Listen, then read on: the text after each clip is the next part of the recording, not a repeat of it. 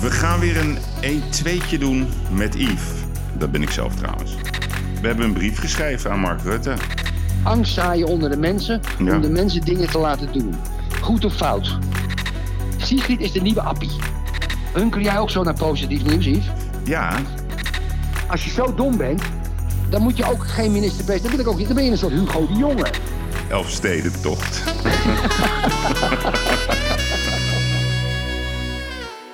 Welkom bij de Gigs op deze hele mooie vrijdag 12 februari. De hemel is blauw, de zon schijnt en het ijs is vuistdik. En wij zeggen dan, we hebben een zaterdag, we hebben een zondag, we hebben een maandag, we hebben een dinsdag, we hebben een woensdag, we hebben een donderdag.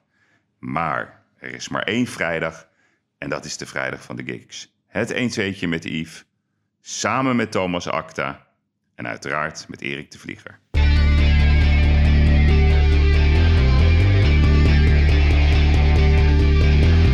Ik moet soms wat kwijt wat ik vind ervan. Littekens en jeuk, die koester ik maar dan.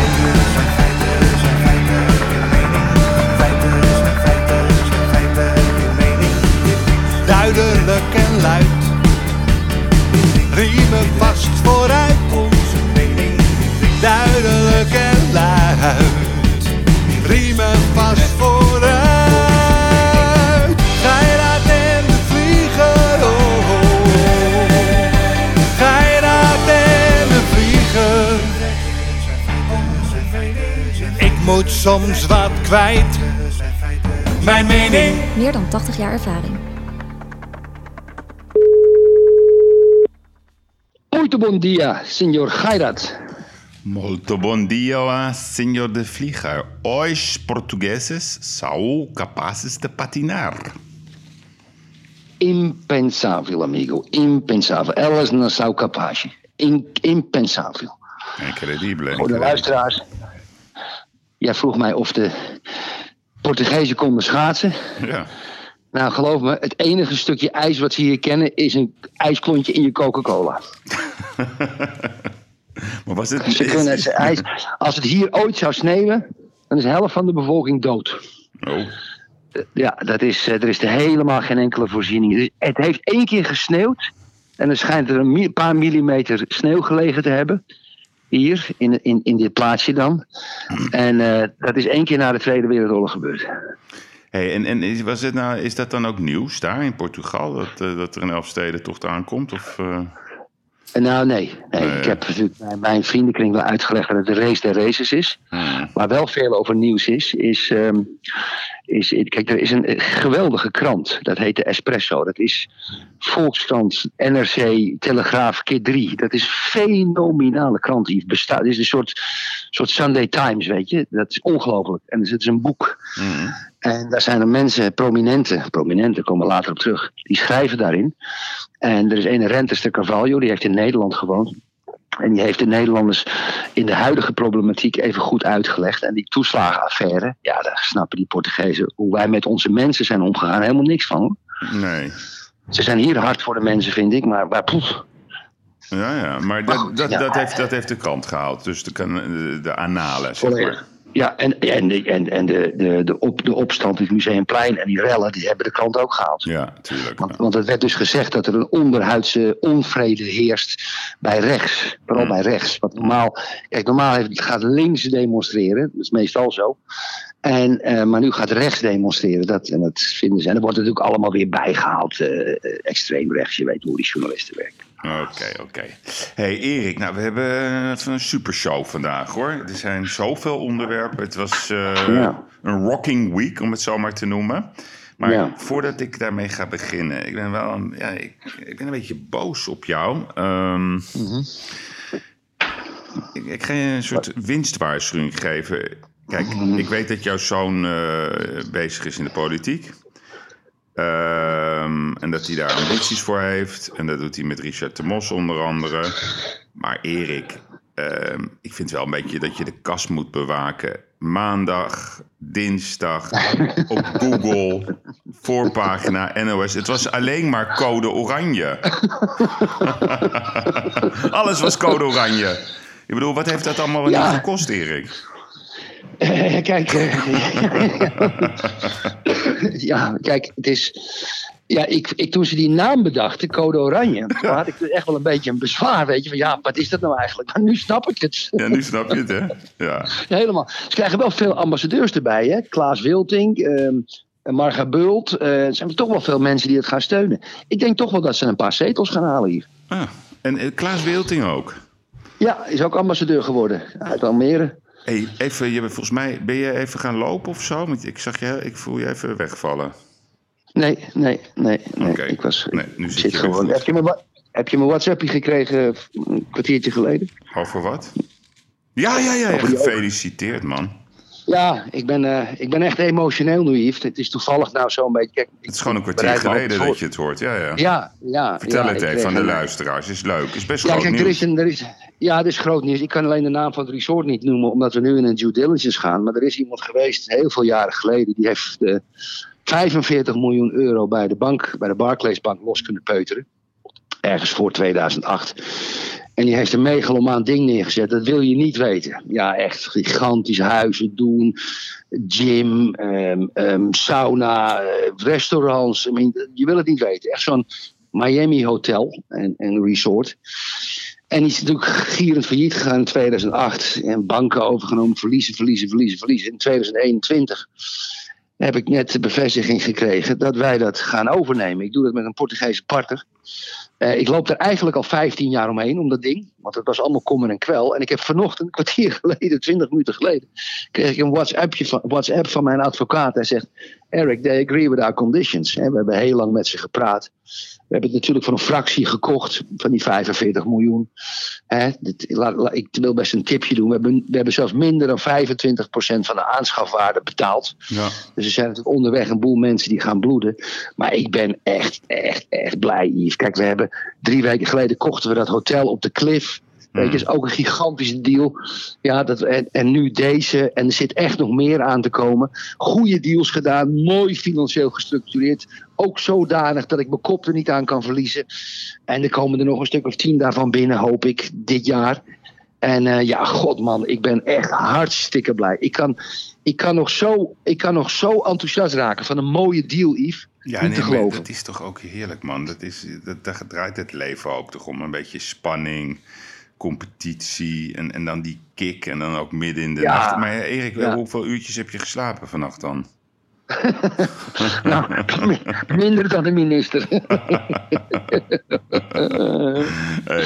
Goed, kerel, wat gaan we doen? Nou, we gaan beginnen. Ehm, we hebben een brief geschreven aan Mark Rutte. Ja, ja, Ja. mooie, mooie brief. Hè? De, ja, de luisteraar. eh, We hebben natuurlijk naar aanleiding van jouw geweldige optreden in op 1. heeft het parool contact met jou en een stukje met mij opgenomen. En jij hebt toen een, eh, het idee gehad om een, eh, om een opiniestuk te schrijven voor het parool. Ja. En die hebt daar de, de, de, dat heb je in de stijgers gezet op een fantastische manier. Is het een hele pagina eigenlijk, Yves? ja, ik denk het wel. Ik denk Ja, nog wel dus- meer dus- zelfs. Dus morgen komt er een brief aan Mark Rutte in de parool eh, van, eh van Gairat en een beetje van de vlieger. Ja, dat is ook zo. Dat is fantastisch. Ik vind het een fantastische brief. Ja. En eh, ik hoop dat de luisteraar. Ja, ik zet hem wel op Twitter ook voor de luisteraar. Hmm. Hopelijk dat ze daar wat mee gaan doen.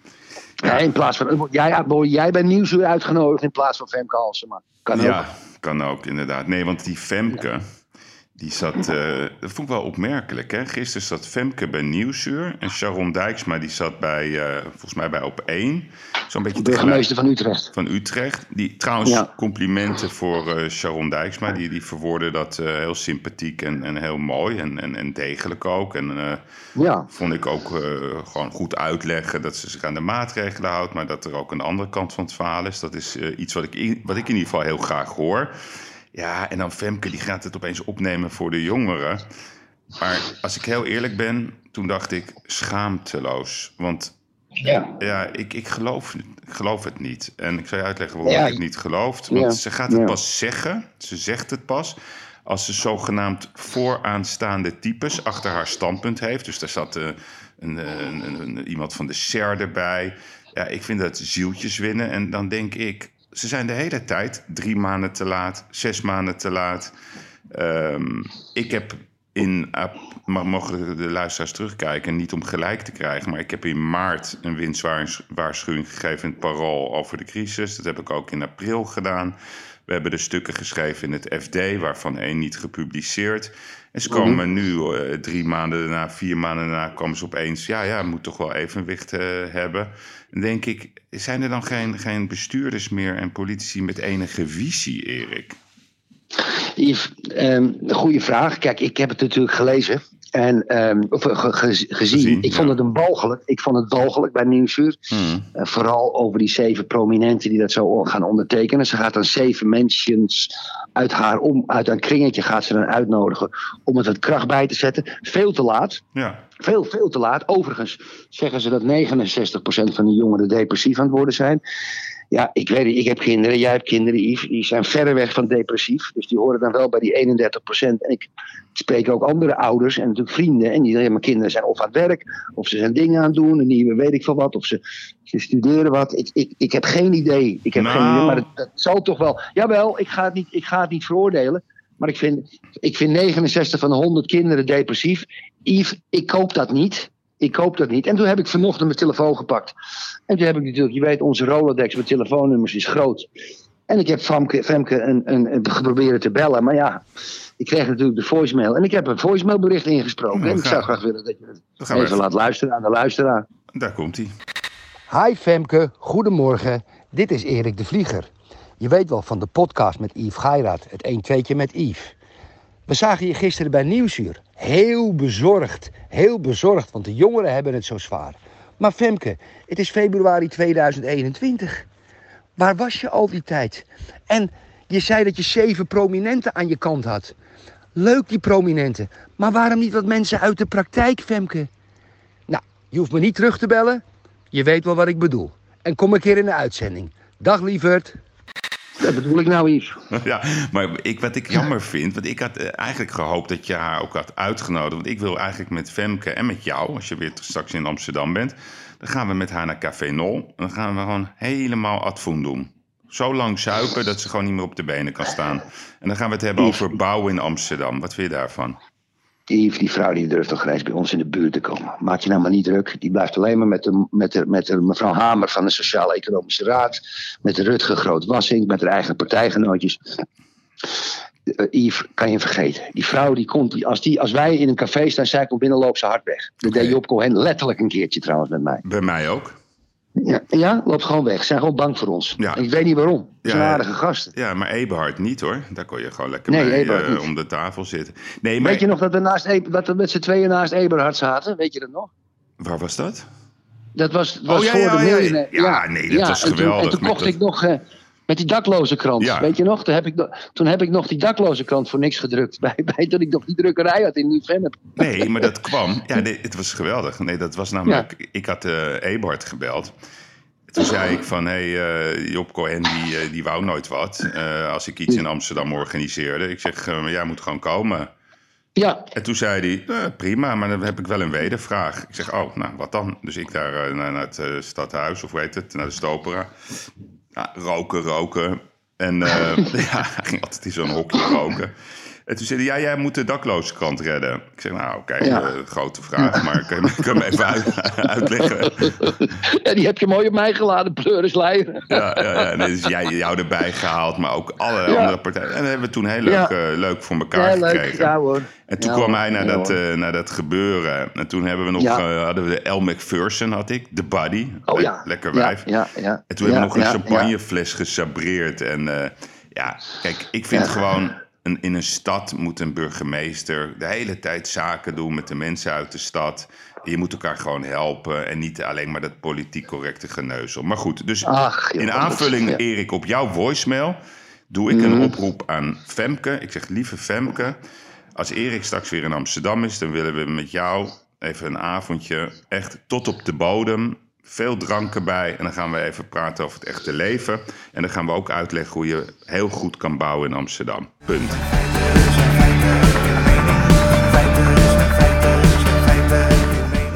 En En geen drugs, Femke. We weten dat je daar een geschiedenis mee hebt. Dat heb je zelf verteld. Ja. Dus we doen geen drugs, Geen alleen maar drugs, geen drank. drugs, gewoon drank. En ik ben binnenkort in Amsterdam. Want ik heb, gisteren heb ik gehuild, Yves. Maar ze gehuild. Ik heb een traantje gelaten. Ik werd door mijn kleinkind gebeld van drie jaar. En die begon te huilen omdat die opa Hoed. Ik heb altijd een hoed op. Hij noemt me opa Hoed zo mist. Dus ik kom heel snel naar Amsterdam. Ah, Waarvan akte? Waarvan- wat lief, opa Hoed. Die, Ja. die kende ik Ja, nog niet. opa Hoed. Heel goed. Hey, dan even toch wel even over hebben. Elfstedentocht.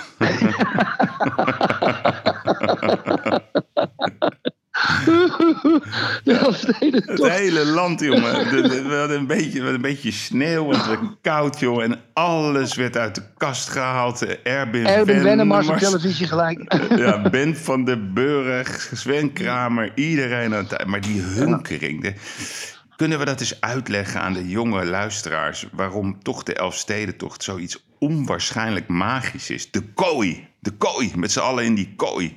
Nou, is- Ja, is- is, hoe leg je dat nou je- uit aan mensen? Maar ik moest het aan mijn zoon uitleggen. Nou, want, dat- want die, dat- is, die is van... Je dat nou? Maar, Ja, ja, maar Erik, Maar je hebt- mijn jongste zoon is van 96. Mijn oudste zoon is van 99. Die hebben dat nooit meegemaakt. Dus ik ging hem dat uitleggen. En zei hij, ja, dat wil ik ook. Wil ik ook. Leg het eens uit. Ja. De magie Nou, van de kijk. Elfsteden, toch? Even voor de goede orde. Toen ik voor het eerst van mijn leven een Elfsteden toch zag, dat is ook 20, 25 jaar geleden. Toen had ik al 20, 25 jaar geleden de mythe meegekregen. Hè? Hmm. Dus je moet voorstellen dat als het een beetje ging, als het een beetje ging, ging, ging vriezen. Dan begonnen ze Elfstedentocht en die mensen, iets keet on, iets keet niet on en weet ik veel wat. Dus de, jong, de jeugd krijgt het eigenlijk wel vanzelf mee.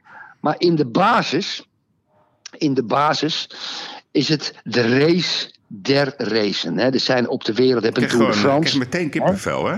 Ja, het is de race der race. Want het geeft, de, de, de mannen die daaraan meedoen, hè? de mannen en in principe ook de vrouwen. Ja, En al het Nou, menselijke in leed- principe kan je weghalen, hè? Ja, nu, maar vroeger niet. Kijk, want hoe hoe we die mythe meegekregen hebben. Al het menselijke leed, comma, doorzettingsvermogen, comma, succes, comma, zelfoverwinning, comma, kracht, zwakte, de bereidheid om gewond te raken, pijn. Alles zit in die race. Maar dan ook alles. En dat maakt het natuurlijk zo mythisch. Ja, dat maakt het mythisch. En 200 kilometer op een fiets gaat nog wel, maar 200 kilometer op stukken ijs en, en wakken en lopen, klunen.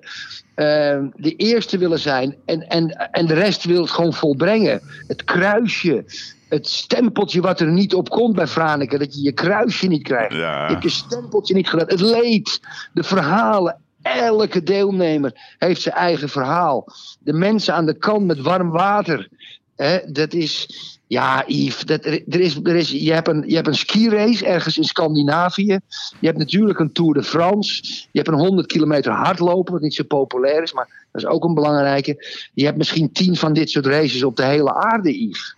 Weet je, Ja, dat, het is- dat, het is, de Elfsteden eh, toch is. het ja, is- dat is, ja. dat is alles. Alles. Daar zit alles in. Alles zit alles, erin. Alles. alles, alles. En, en eh, ook, ook, ook die, zeg maar die verschillende steden en de bruggen en het volkfeest en het, het, Ja. het totale drama. En ook dat, die, die, die, die, dat ijs langs die baarden. Die, ja, het is zo mooi, Erik. Weet je nog wie de vorige heeft gewonnen? Even je parate kennis? Eh, ja, ben ik even de naam vergeten. Henk Angenet. Oh ja, Henk. Is dat die spruitjesteler, hè? Ja, ja, tegen Erik Hulsenbos. Oh, het is... Ja. eh, ik- oh ja, dat was een ik- tweede, ja, die sprint. Ik wil het zo graag weer zo... Ja, de bonkenvaart. Het moet Ja, terug. ja. Ik hoop echt dat we volgend jaar... Maar je weet hoe het gaat hè, met, met koude tijden. Dat heel vaak is dat een periode. Dus de kans dat we volgend jaar een Elfsteden toch krijgen... of het jaar erop wordt steeds groter. Nou, dit jaar gaat hij niet 20, komen. 20, 25 jaar geleden, Yves, reed ik met een auto door Friesland met, misschien wel 30 jaar geleden, met, met mijn vriend Pluis. Mhm. Want we gingen Oroend goed kopen in Friesland. Daar hebben we toen Quickfits gekocht in Leeuwarden en in Groningen. En dat was een soort Cela Liesbeck. En toen, toen reden we daar en zeiden, zullen we, zullen we naar Bartlehem gaan? Ja, Ja, we hadden de tijd over. En toen zijn we op dat bruggetje gestaan. Ja. Hebben we de auto neergezet, zijn met z'n tweetjes, een kameraad en ik, zijn op het bruggetje gestaan. Dat ze linksaf zo naar boven gaan, tot dat dok op geloof ik. En dan weer terugkomen. Ja, dat was fenomenaal, Yves. Dat, dat, dat- ja. ja, goed. Maar goed, we, hebben het gezegd. We hebben het gezegd. En ik zei het ook, ehm, omdat ik, vond het zo opmerkelijk hoe de politiek hierop reageerde. Dus ik, ik had Ja. er een berichtje gezet: coronabeleid versus Elfstedentocht. En, en al die ondernemers en die jongen die continu roepen. Zeg nou eens een keer wat wel kan en zeg niet een keer wat niet kan. En nu zegt 70% van de politiek, 70% eer Erik, die zwichten voor de waan van de dag. En dan denk ik, wat een politieke hypocrisie. Nu kan Ja. alles en ik ben voor. Hè? Dus laat ik even duidelijk zeggen, ik ben voor om naar de mogelijkheden te kijken.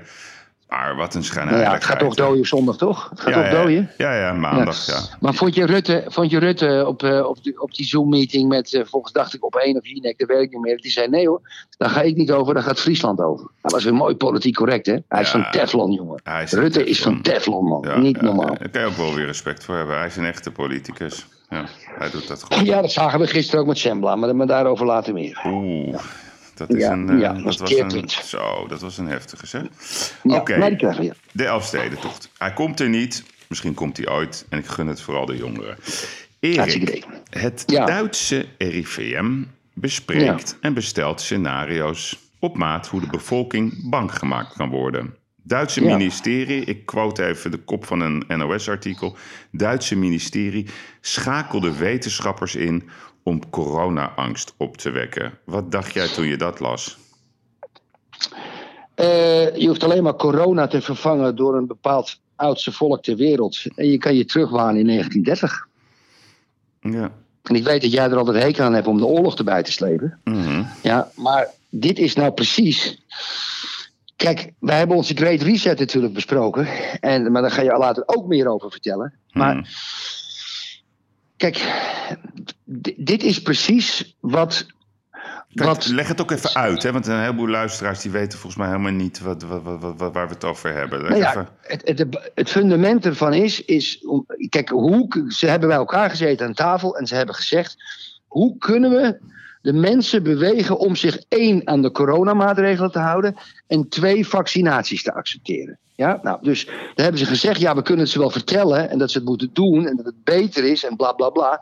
Nee, hebben ze gezegd, we moeten zorgen dat iedereen bang is. Echt bang. Nou, en als iedereen bang is, hoe doen we dat dan? Ja, nou, daar hebben ze gezegd, net als Femke met zeven prominenten komt, hè, precies hetzelfde. Ja. Hè, opeens, alleen durven ze die te zeggen, dit is mijn mening en ik vind dat. Nee, zegt ze, we gaan zeven prominenten erbij halen. Dat doen die Duitse ministerie, heeft het ook gedaan. Die hebben gezegd, weet je wat, we halen er een paar wetenschappers bij, waar we Duitse glauben in de Wissenschaft. Ja?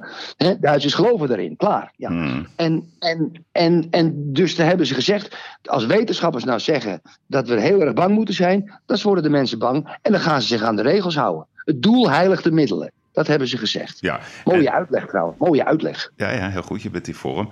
Kijk, wa- wat ik, wat ik zelf interessant vond, is was, het was Die Welt hè, die het bracht. Dus niet, niet, Ja, niet, een, of- niet een of andere nee. lokale krant. Dus een hele prestigieus medium in, in België. En Ja, wat ik in interess- Duitsland. Ja, of eh, in, in Duitsland, ja. Ja, Gek, ja. ja, Ja, gekkigheid, hè. Foutje. Ehm, nee, wat ik zo opmerkelijk vond, is dat juristen in Duitsland hierachter zijn gekomen. Hè. Dus die, die hebben daar ongelooflijk veel druk op uitgeoefend om die gesprekken op tafel te krijgen. Ja, Nou, en dan begrijp ik heel goed hè, dat, dat je als overheid zegt: oké, we moeten allerlei scenario's eh, op tafel krijgen om te analyseren en, en goed uit te leggen wat de scenario's zijn. Dat snap ik nog wel. Maar wat ik niet snap en wat ik echt onaanvaardbaar vind en eigenlijk beangstigend, is dat het bijna wetenschap op bestelling is. Dus ja, ja. ja, nee, maar Ja. het is bijna wetenschap op bestelling. Dus met andere woorden, hoe ik het las, zat er ook nog invloed bij. Dus ah, je moet het zo voorstellen: Rutte belt met Jaap van Dissel. Of die gaat ergens eh, in een straatje staan en die zegt: luister, je moet me wel even dusdanige scenario's schrijven dat de mensen bang zijn.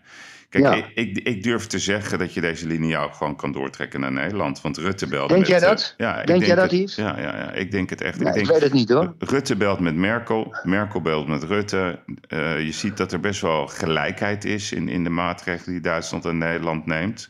Er zit best wel wat overlap bij.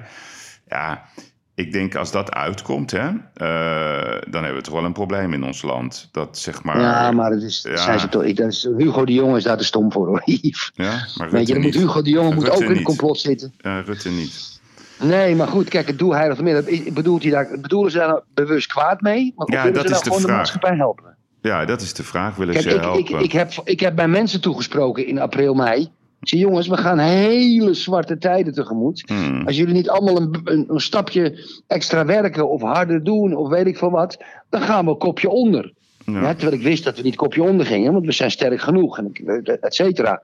Maar ik heb ook tegen, de mens, tegen mijn mensen ook een beetje, nou, weet je, ik kan me voorstellen dat ze s'avonds thuis kwamen en tegen hun partner zeiden, poeh, nou, we komen in de gevarenzone, want Erik zegt het. Weet je, ik heb het eigenlijk ook een klein beetje gedaan, wel eens, een klein Nee, beetje. maar kijk, dat begrijp Dus ik. dat doe je gewoon. Nee, dat doe je. Maar kijk, je wilt, je, wilt, je wilt vertrouwen hebben in de boodschappers. Dus dan moet ik elke keer denken... eerst dat gedoe over die mondkapjes, die waren allemaal niet nodig. Eh, daarvoor zeiden ze nog... nee, dat virus dat kan niet van dier op mensen over, overspringen. Ja, Nou, ja. Het meest recente is zeg maar de bangmakerij over het Britse virus. Er is toch heel duidelijk gezegd dat de mogelijke besmettingsfactor 1,5 was. Toen was het opeens 1,33 en toen 1,18 of zo. Nou, we horen er nu niks ik van. veel wat ze allemaal zeiden, ja. Ja, nee, maar dus, dus er zit een ongelofelijke bange componentfactor in. En je ziet nu, en daar ben ik wel blij mee, je ziet echt in, in, in de praatprogramma's eindelijk ruimte voor mensen die zeggen: ja, wacht eens even. Laten we nou gewoon op zoek gaan naar de oplossing. Ik was zelf best wel onder de indruk van het optreden van Jaap Goudsmit. Vooraanstaande. Ja, dat is die goed, hè, die man, hè? Ja, wel, ja, ja. Wereldtop, hè? Eh, Harvard hoort ja, bij, de, bij de beste Ja. onderzoekers ter wereld. Ja, ja, Ik ja, heb hem in april gebeld, Erik. Echt in april. Toen vroeg ik al aan hem, hoe zie jij dit hele verhaal? Toen heeft hij me precies tot in detail uitgelegd... wat de big techs of de, de, de big pharma kan doen. En hij zegt dat het Ja. gaat lukken. Hij had het ook over een medicijn wat goed gaat werken. Nou, en de kern van wat ik hem vroeg is... ik zeg maar, wat, wat is dat gezwalk van de overheid? En toen zei hij, ach, politiek. Het zijn allemaal politieke keuzes. Mhm. Ja, dat vind ik dan weer, weer triest. En als je hem dan nu hoort praten eh, bij Buitenhof, zat hij eh, afgelopen zondag. Ik heb hem bij, eh, bij Op 1 gezien, want hij heeft ook zijn boek verteld. Hij zat in radioprogramma's.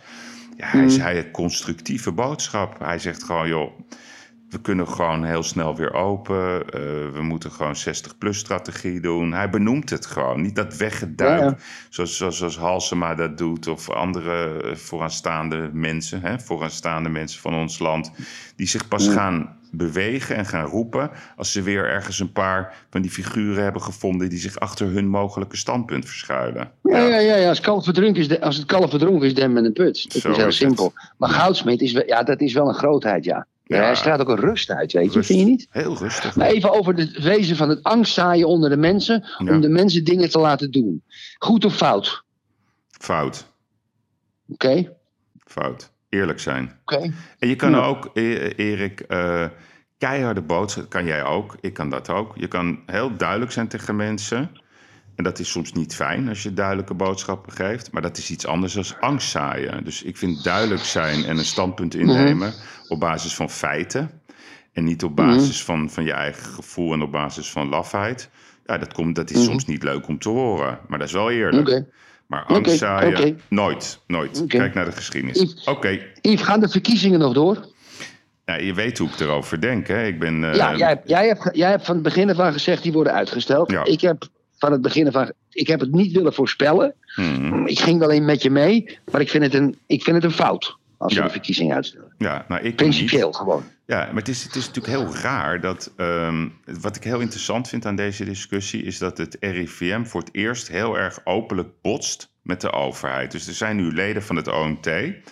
Gelukkig zijn die er ook. En die zeggen, ja, ik vind het heel raar. Want er is geen enkel bewijs dat er niet een ongelofelijke grote besmettingsgolf kan komen door de verkiezingen. We willen dat uitzoeken. En de overheid blijft maar roepen, nee, nee, nee, dat willen we niet uitzoeken.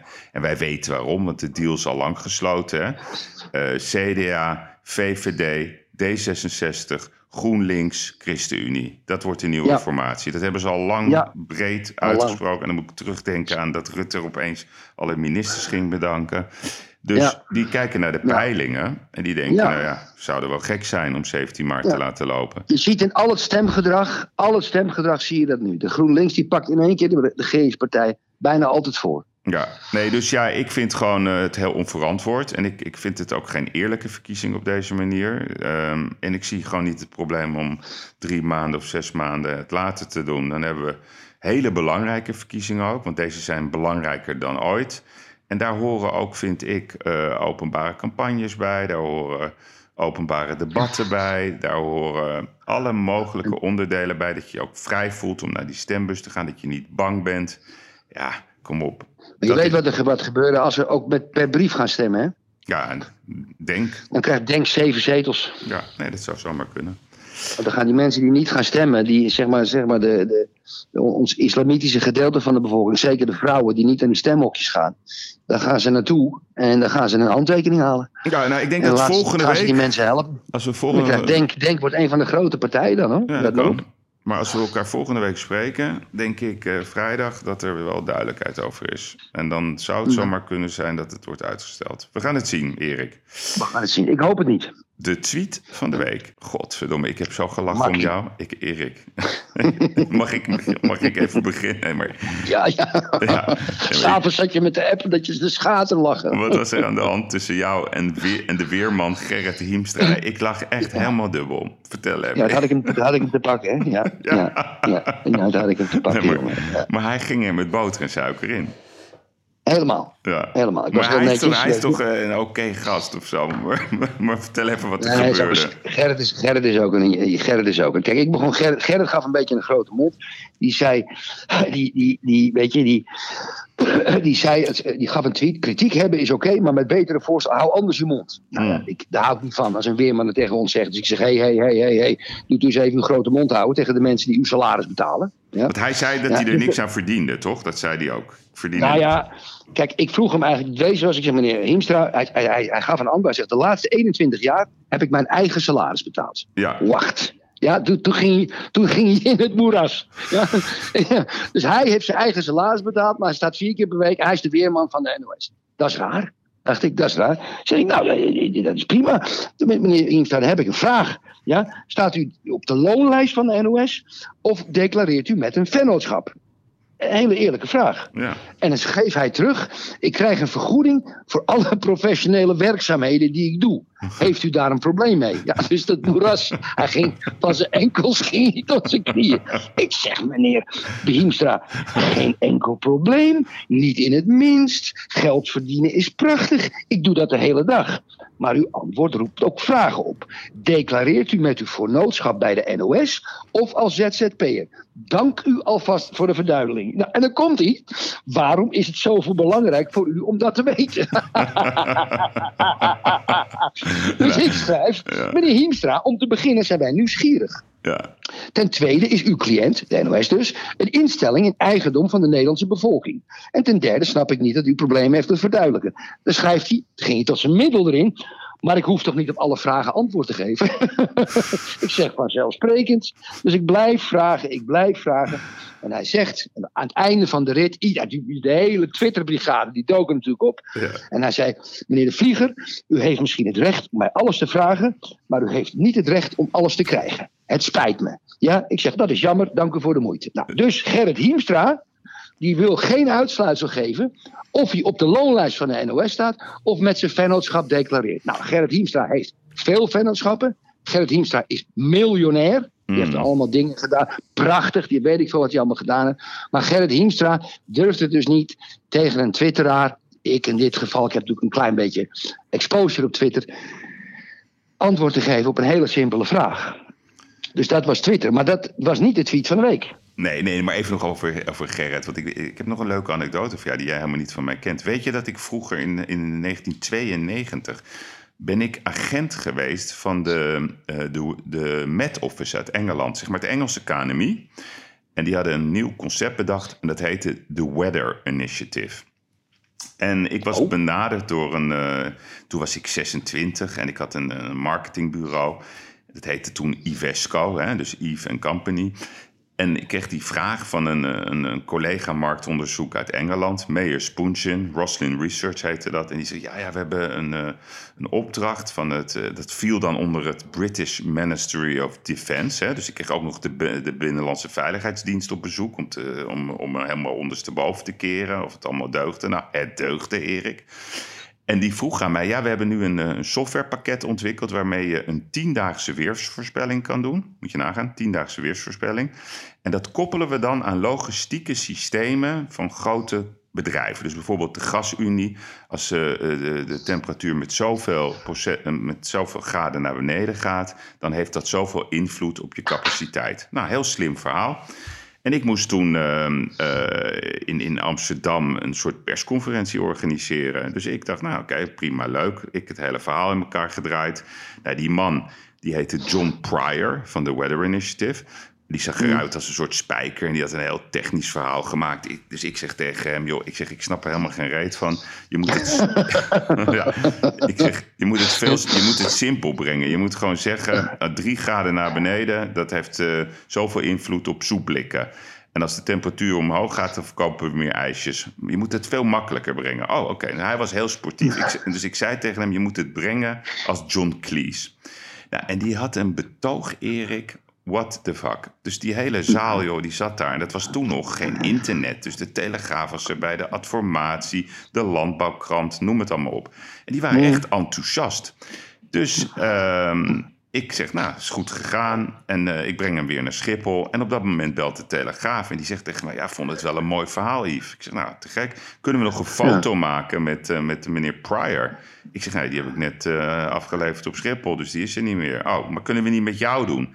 Ja, ik zeg maar, lieve man, ik zeg, ik, ik, ik heb helemaal geen verstand van, van weermodellen. Ik heb gewoon dit georganiseerd. Nee, zegt ze, dat maakt helemaal niet uit. Dat maakt niet uit, maar dan gewoon een fotootje erbij. Dus ik zeg, nou prima. Dus ik ga voor, ik zat toen nog in, op de startbaan in Amsterdam. Dus ik ga voor het pand staan met een paraplu in mijn hand. En een fotootje. En wat gebeurt er zaterdag? Hele pagina in de Telegraaf. en, en, een derde, een derde, een derde van die pagina sta ik daar met die paraplu in mijn hand. alsof, je, alsof je het uitgevonden had. Alsof ik er weer, maar dus ik sta bij de slager op zaterdag. Nou, uh, Yves, we hebben het gezien, maar wat, wat kunnen we morgen naar het strand? Ik denk, oh mijn god. Ik heb er drie, ik heb er drie jaar gedoe van gehad. Maar, maar, heb je er wat aan verdiend? Zo. Niet ja? normaal. Dat zijn contracten, Erik. Dus die weerbusiness, we hebben buienraden ja. gezien, dat is grote business. Dus ik moet je zeggen, ik vond een, een beetje lang verhaal, maar ik vond het wel een leuke anekdote om te delen. Maar die Gerrit Hiemstra, ik, vind, ik vond het wel leuk. Ik neem het een beetje voor hem op. Hij ging er wel met boter en suiker in. Boter maar, en suiker. Maar hij ging wel, hij ging wel ja, het gesprek met je aan. Ik vond, ik vond het wel, wel schattig eigenlijk. Daarom ik heb ik hem ook bedankt. Keurig. Ja, dat vond ik ook. Oké, okay, maar dat maar was dan, Twitter. De tweet. De tweet van de week. Kijk, ja. ik heb een twijfel. Kijk, ik, ik had er twee. Ik had, tot, tot, tot, tot eergisteren had ik Jeroen Wollaerts. Die laat ik gewoon even lopen vanwege de tijd ook. Mm. Maar ik heb de tweet van de week gisteren. En, en, en dames en heren luisteraars. Ik, ik, gaf een, ik gaf eerst 's ochtends een tweet. Van, dat was een van de kerel die op Twitter zei wat. Die is helemaal gek. Wat is complot in is. Dus ik, zei, ik pak die tweet op. Ik citeer die tweet. En ik zeg. We moeten meer investeren in, in de psychische hulpvoorziening. Weet je, dat moeten we echt doen. Mensen worden gek. Hmm. En toen kreeg ik een, smiddags kreeg ik een cadeautje. Ik, ik doe Twitter open. Ik, had, ik zit midden in die onderhandeling met het resort. Wat ik dus overgenomen heb. Met een partner. En en ik zie Henk Nijboer. Wie is Henk Nijboer? Dat is een Tweede Kamerlid uit de PvdA, die komt uit Groningen. Die, en, die, en die ziet eruit, we gaan nooit over uiterlijk praten, maar als je een, een, een konijn op de snelweg en in de koplampen kijkt. Zo kijkt hij altijd. Ja, ja zo van die uitpuilende ogen. Ja, van die, dat noemen ze, het is net een opossum. Zo, weet je, zo'n zo, zo, zo soort, soort beertje wat in de boom zit en die kijkt altijd met verschrikte ogen. Nou, dat is Henk Nijboer. en ik wil de luisteraars voorlezen, dus PvdA-Kamerlid al heel lang. En ik wil, ik wil de luisteraars de tweet voorlezen, want ik vind het toch. Ja, dit is, dit is echt top drie imbeciele tweets van, van het jaar. Hè? Dus, De tweet van de week. Henk Nijboer schrijft: mijlpaal. Eerlijker uit de crisis. Ja? Op vragen SP en PVDA zegt staatssecretaris Veilbrief bereid te zijn te bekijken of hij een crisisheffing op kan leggen aan winstgevende bedrijven. De opbrengst kan gebruikt worden om bedrijven die het moeilijk hebben door de crisis te loodsen. Hij zegt dus, de totaal gestoorde idioot, alle bedrijven die winst maken, extra belasten. Hè? Dus niet gewoon VPB, vennootschapbelasting. Nee, nee, nee, nee, nee, nee, nee. Een extra crisisheffing. Jij met je bedrijf. Jij maakt winst. Jij betaalt vennootschapbelasting. En dan zegt hij, je moet nog eens een keer wat geven. Want je buurman maakt verlies. Voor wat voor reden dan ook. En je moet solidair zijn met je buurman. Ik kan me voorstellen dat je solidair bent met je klanten. Ik kan me voorstellen dat je solidair bent met je leveranciers. Om samen uit de crisis te komen. Dat doen wij hier ook. Later betalen, eerder betalen, whatever. Maar hij zegt dus dat winstgevende bedrijven. Dit is communisme avant la lettre. Hmm. Maar Dit is levensgevaarlijk. De domheid is levensgevaarlijk. Henk Nijboer moet uit zijn functie worden ontheven. Deze man is gevaarlijk met het hele enge clubje wat hij vertegenwoordigt. Amen. Amen. Oké, duidelijk. Maar, je, Maar? Weet, je weet hoe ik hierover denk. Ja, jij wil, jij wil 90% belasten voor alle bedrijven die over 1 miljard verdienen. Ja. Kijk, ik vind, kijk, kijk, wat, ik zo, wat, kijk, wat hij doet is symboolpolitiek. Hè? Net zoals eh, wat Asscher deed met die Prins Bernhard-tax. Dat is allemaal symboolpolitiek. En dat, dat, dat slaat dus op de een of andere manier niet meer aan. Hè? Dat, is, dat, dat landt niet goed. Maar wat, wat ik wel een goed verhaal zou vinden, is als je zegt van oké, moet je goed luisteren. Eh, we zijn als Nederland zijn we een tax heaven. Hè? Dat, dat weten de mensen inmiddels wel, hoop ik. Hè, dus het doorsluizen van geld via Nederland. En dat gaat dan naar Ierland. En van Ierland gaat het naar de Bermuda. En van de Bermuda gaat het weer misschien naar Monaco. En dan komt het uiteindelijk in de, onbelast in de zakken van zeer gulzige aandeelhouders. Nou, Van multinationals. Exact. Dat zijn Ja. over het algemeen die multinationals. Dus ik, ik, ik, zou, er, ik zou er wel voor zijn als, als Henkie Nijboer had gezegd van luister... en op een aardige manier... er zijn toch wel een aantal hele grote techbedrijven met Amerikaanse roots... die via Nederland aanzienlijke winsten belasten. Eh, Wij, wij, wij vinden dat een solidariteitstax ehm, verantwoord is. We vinden dat ook sympathiek. Dat gaan we in een mooi fonds stoppen om ondernemers te helpen. Ja, dan, dan heeft hij wel mijn sympathie. Maar dit zijn van die generieke symbooltermen. Ja, dat maar, is, eh, dat maar is dom. Jij als, jij als, jij als ik, ik vind dat jij de woordvoerder van een familiebedrijf aan het worden bent in Mm. Nederland. Dat vind ik echt. Mm. Dat doe je ook goed. Dat zit ook je hart. Deze gozer, die wil gewoon familiebedrijven gewoon extra belasten. Nee, Anders had hij het wel geschreven. Exact. dat wil hij gewoon. Ja, of hij is te gek. dom, of hij is te Henkie, dom. Henkie, Henkie is Henkie, nee, die is gek. Henkie is gewoon gek. Ja? En, en, en natuurlijk, kijk, Google het heeft 128 miljard in acht jaar op de Bermuda-eilanden gestort. Pak het af.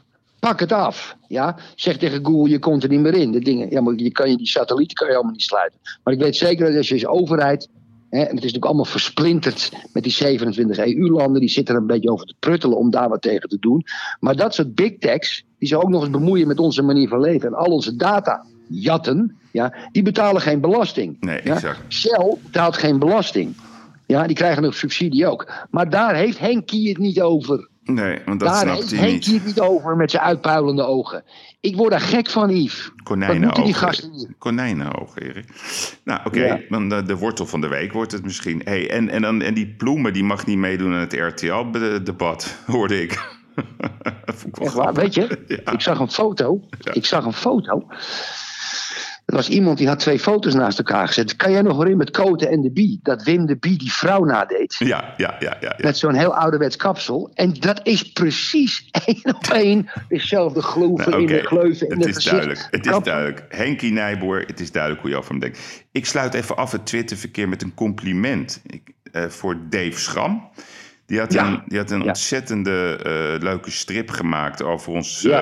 ja, grapje, feitje, weetje over Diederik. We hebben geen, eh, geen belletje gehad van Diederik over die 7.500 Nee, nee, toch ingesproken, euro. toch ingesproken hebben we. En, en, en nogmaals, wij gunnen eh Diederik honderden lezingen per jaar. Maar niet in de tijd van de baas. Hè? Zo is dat. 7.500 eurotjes. Even lekker 50-50 met het Erasmus doen. Dat is goed voor de kas. Precies. We gaan pingpongen. Maar leuke, leuke cartoon, echt waar. Ja, dankjewel Dave. We gaan pingpongen. Pingpongen met Erik en Yves. Ajax wil de Johan Cruijff Arena kopen. Daar hebben ze gelijk in. Ja? Ja, hebben ze gelijk in. Ik zou het gelijk kopen. Ik zou, het, ik zou een, een nieuwe, nieuw stadion in Amsterdam-Noord plannen. Op de Sipdokwerf. Die gaat toch een keer sluiten. Prachtig. De kop van Noord-Holland. is heel leuk. Prima ligt het. En ik zou het terrein gebruiken om duizend woningen te bouwen. Ongeveer 250 miljoen te verdienen. Eh, en dat geld Hoeveel levert dat op, die, die grond van de arena? Nou, als je, goed, als je het zelf ontwikkelt met een goede projectontwikkelaar. en je bouwt er duizend woningen. en je krijgt in principe moet je met de gemeente even met de erfpracht behoorlijk steggelen. Maar je kan zeker 200.000 euro per woning verdienen qua grondprijs en, en nog wat anders. Dus ik denk dat, je, dat als je duizend woningen op dat hele terrein bouwt, je gaat lekker hoog. Eh, je kan 2, 250 miljoen pakken. Dat gooi je in een pot. En je gaat eh, prachtig, zoals de Opera House in Sydney, ga je aan de, aan de noordelijke eioevers, bouw je een prachtig stadion. Ook met woningen en alles erop en eraan, winkelcentrum, kan het zo gek niet bedenken. Dan kan je ook ehm, die Noord-Zuidlijn, die is, kijk, toen ik, toen de Noord-Zuidlijn werd, werd besproken, 20, 25, 30 jaar geleden, begon het Amsterdam erover te praten. Toen wilden ze ook linksaf gaan, mm, zeg maar na het Shell-gebouw, gingen ze linksaf naar Zaandam. Ja, dat kan je ook gelijk doen. Ja, dus je kan gelijk die goede infrastructuur Zaandam, Amsterdam doen. Met een soort bovengrondse ehm, ehm, lijn. Ehm, en, en ja, dan, ga je, dan, dan maak je echt een stadion ja, tegen de ringweg aan. In het, maar nog steeds in het midden. In Amsterdam Noordwest. Zo zou ik het doen, Yves. Gelijk doen. Oké. Gelijk doen. Nou ja, ik, kijk, ik, ik vind zelf eh, een beetje een rare discussie over die arena. Want kijk, eerst was dat gezeur eh, toen met die naamswijziging. Dat heeft eh, de, de, zeg maar de, het bestuur wat achter de arena zit. Er zit een soort zijn pingpong, hè, Yves? Zijn een pingpong, hè? Nee, maar ik wil ook wel even wat over zeggen. Het is wel mijn clubje, hè? ja, ja. Mag ik, mag, ik- mag er ook wat over zeggen? Ja, nee, dus dat Ajax, ehm, dat, dat was zo'n gedoe om, om die naamswijzigingen doorheen te krijgen. En, en onder druk is alles vloeibaar. Maar dat hebben ze echt tegengehouden hoor. Die, die Henk Markerink en, de, en, en die stichting die daarachter zit. En ook de Ja, gemeente. is veel ruzie, hè? Is Ja, veel ruzie, hè? Ja, heel veel ruzie. En Ajax heeft voor het eerst geen decharge gegeven aan, eh, aan, Nee. aan het bestuur van, Ja. eh, van de Ja, arena. van Sar persoonlijk, hè? Ja, ja en het zit, Ja. Het, het, speelt, het zit heel hoog. Dus er is een groot eh, conflict tussen de Arena en Ajax. Ajax heeft zijn zaken gewoon op orde. En dan hebben we het Ja. niet over Haller en over Promes Nee, en over nee, Nouri nee. Nee. en over Onana. Maar de rest hebben ze op Heb orde. heb je het interview met Mark Overmars gezien voor, de, voor Ajax PSV? Ja, ja, ik vind, Goed, Marco- hoor. ik vind de Overmars een geweldenaar. Die, die zegt nooit Geweldenaar. hè. Die is zo goed. Nee, zeg nou, nee, zo goed. Gaat hij naar Barcelona? Die kans is heel groot. Ja, dat denk ik ook. Die Dat denk kans ik is ook. heel groot. Ja, die kans is echt Ja. heel groot. Maar Yves, Yves, Jaap Goudsmit of in plaats van Jaapie van Dissel? Oh, dus we hebben Ajax afgerond. Dus ik, ik ben niet voor... ik eh, pingpongen. Ik moest, ja, ik- oké, je hebt gezegd, verleden, Ja, je hebt maar- gezegd ja, dat we, ja, dat we, over pingpongen. te lang deden. eh, Dus ik die voer alleen maar een opdracht uit. Ja, oké. Maar ik zeg eh, gewoon lekker blijven op die grond. Niet naar Noord. En gewoon weg, wegwezen met, met het hele bestuur van de arena. Het is gewoon... Ah, de Zo, Jaapie van Dissel weg of Jaapie Goudsmit erin? Ja, nou, kijk, ik vind... ehm, ik pleit voor al heel lang voor een ander OMT. Een doorbraakteam heb ik ook bij op één gezegd. Ik heb het ook een paar keer in, in een aantal publicaties eh, beschreven waarom dat goed is. En voor mij is, is Jaapie Goudsmit nou precies eh, het type persoon wat ik bedoel als je het hebt over kennis, kunde, ervaring en daadkracht en slagvaardigheid. Ja. Als ik, als ik ehm, gewoon Jaapie Goudsmit naast Jaapie van Dissel zet, ja, dan kijk ik tegen twee verschillende werelden. Aan de ene kant zie ik dan een bangmaker, een defensive player. En aan de andere kant zie ik iemand die werkelijk waar alles in zijn leven heeft bewezen. En die precies weet hoe de hazen lopen. Die is deskundig. En die is ook niet bang. Die is constructief. Die geeft oplossingen. Dus ik vind echt dat eh, we gaan nog heel veel crisis krijgen in de toekomst. Dan moeten we altijd dit soort types paraat hebben en hun de verantwoordelijkheid geven. En waarom zeg ik dat? Ook als je kijkt naar die uitzending waarin hij zat bij op één. En naast hem zat Erik, de man die het had over hoe je moet vaccineren. Die zei letterlijk, wij regelen dat in drie weken. Dat is de man die iedere Ja. dag de apotheken voorziet van medicijnen. Die, die zit Mm. te kijken, die denkt echt, waar, waar, waar gaat dit over? Dus we hebben andere mannen en vrouwen, want ik maak nog wel eens die fout, dan zeg ik alleen mannen. Nee, en vrouwen nodig die daadkrachtig en slagvaardig zijn. Oké, Waarvan akte? Erik. Het zou best eens kunnen zijn dat de Turkse vrouw veel sterker, slimmer en zeker is dan de Turkse man. Ja, dat is mijn tweet. Ja, leg hem uit. Ja, nou, nou ja, ik zat gisteren naar op één te kijken en er was een vrouw, Lale Gül. En die, eh, die had een boek geschreven dat ze zeg maar het hele islamitische juk van zich afgeworpen had. En gewoon weer vrouw wilde zijn. Hè? Prachtig en moedig. En ik was erg onder de indruk van die vrouw. Ze zat tegenover Fidan Ekis. En dat die vrouw, die zei eigenlijk. Ehm, ik heb, die had een boek geschreven. In het boek beschrijft ze dat ze zo gedomineerd wordt door die hele islamitische cultuur. Dat ze niemand mag ontmoeten, s'avonds thuis moet blijven, altijd een hoofddoek, gehoorzamen naar de man, eh, niets te zeggen over met wie ze trouwt, et cetera. Ook, ook haar ouders heel conservatief. Ze zegt, mijn ouders zijn analfabeet. Zei ze, ik hou van ze. Ja? En ik heb een boek geschreven, maar ik, ze kunnen dat boek geen eens lezen, omdat ze geen Nederlands kunnen lezen. Maar ze zullen wel vanuit een omgeving horen dat ik, dat ik dat boek, wat er in dat boek staat. En toen vroeg Kelder, dat was een hele goede uitzending trouwens, op één gisteren. Zo, BNL fantastisch. maakt wel fantastische uitzending. En, en toen vroeg Kelder, maar wat gebeurt er nou als je thuis komt vanavond? Zitten je ouders te kijken? Ja, zegt ze, dat weet ik dus niet. Ja. Ja, dat vond ik zo'n moedige, zo'n moedige vrouw. En, en Fidan Ekis, die, daar had ze natuurlijk bijval. Die kenden elkaar natuurlijk. Ze zat daar een beetje ook om te steunen. Want Fidan gaat natuurlijk haar, haar de vooravondprogramma weer maken. Dan gaan we weer lekker kijken. Het is zoveel beter. En die troep die Margriet van der Linden met Dit is M maakt. Ja. Die D66-troep die ze maken. Schande dat we daar nog überhaupt voor moeten betalen. Maar dat meisje, die vrouw, die zat daar. En het, ik vond dat zo ongelooflijk moedig, Yves. En toen zag ik die Turkse vrouwen en toen vroeg ik me echt af. Weet je, als je die gasten allemaal bij de Erasmusbrug zag. Met die minister die kwam uit Turkije, met die vlaggen.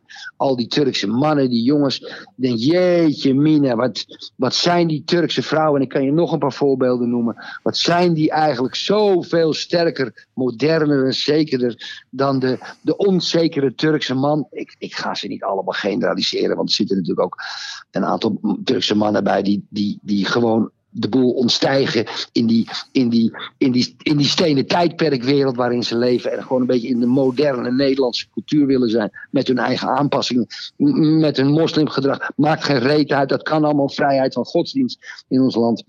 Maar die Turkse vrouwen, dat vind ik bikkels. Daar wil ik het bij laten. Ja, nou oké. En, en ik wil nog even aan toevoegen. Ik ben het helemaal met je eens. Ik vond het, het, het was prachtige televisie. Kelder was Ja. in vorm, maar ook eh, mijn, mijn favoriet Welmoed. Die, Ja, die- ja. Die, ging voorlezen uit het boek. Dacht ik, wauw, Nou. wat, wat, zo, wat, wat, wat bijzonder dat ze dat zo op die manier durft. Eh, erotisch bijna, maar zo mooi en gedurfd. Ja, lul. Ja, lul. Over een lul had ze het, jongen. Ja, Jeetje, ook. Nee, nee, die maar- die gaan vallen van een stoel af. Ja, maar ook, ze gaf een rode kaart, die Lalagoul, aan de linkse, progressieve politiek.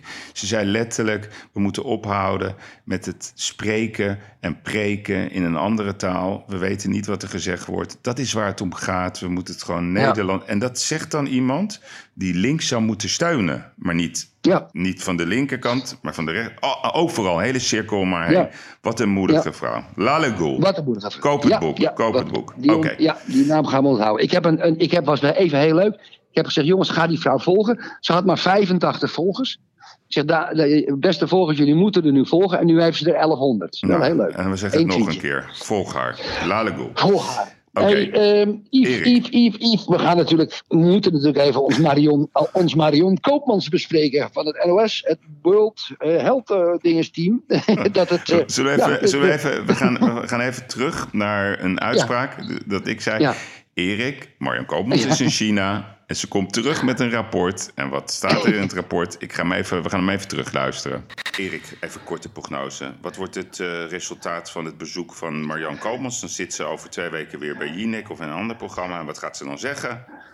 80 pagina rapport met een eindconclusie. Het is goed mogelijk, maar het is ook goed mogelijk van niet. Exact. Ja, ja dus ja, daar kwam zo. Precies. En toen dat persbericht van de NOS er kwam. En dat eindigden ze met meer onderzoek nodig. ik moet zo lachen. Ja.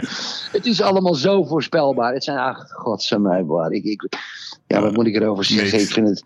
We zijn het pingpongen. Stop. We zijn pingpong. Ja, ja, We, we ja, made our point. Oké. Ja, ja, ja, ja, ja. ja, Erik.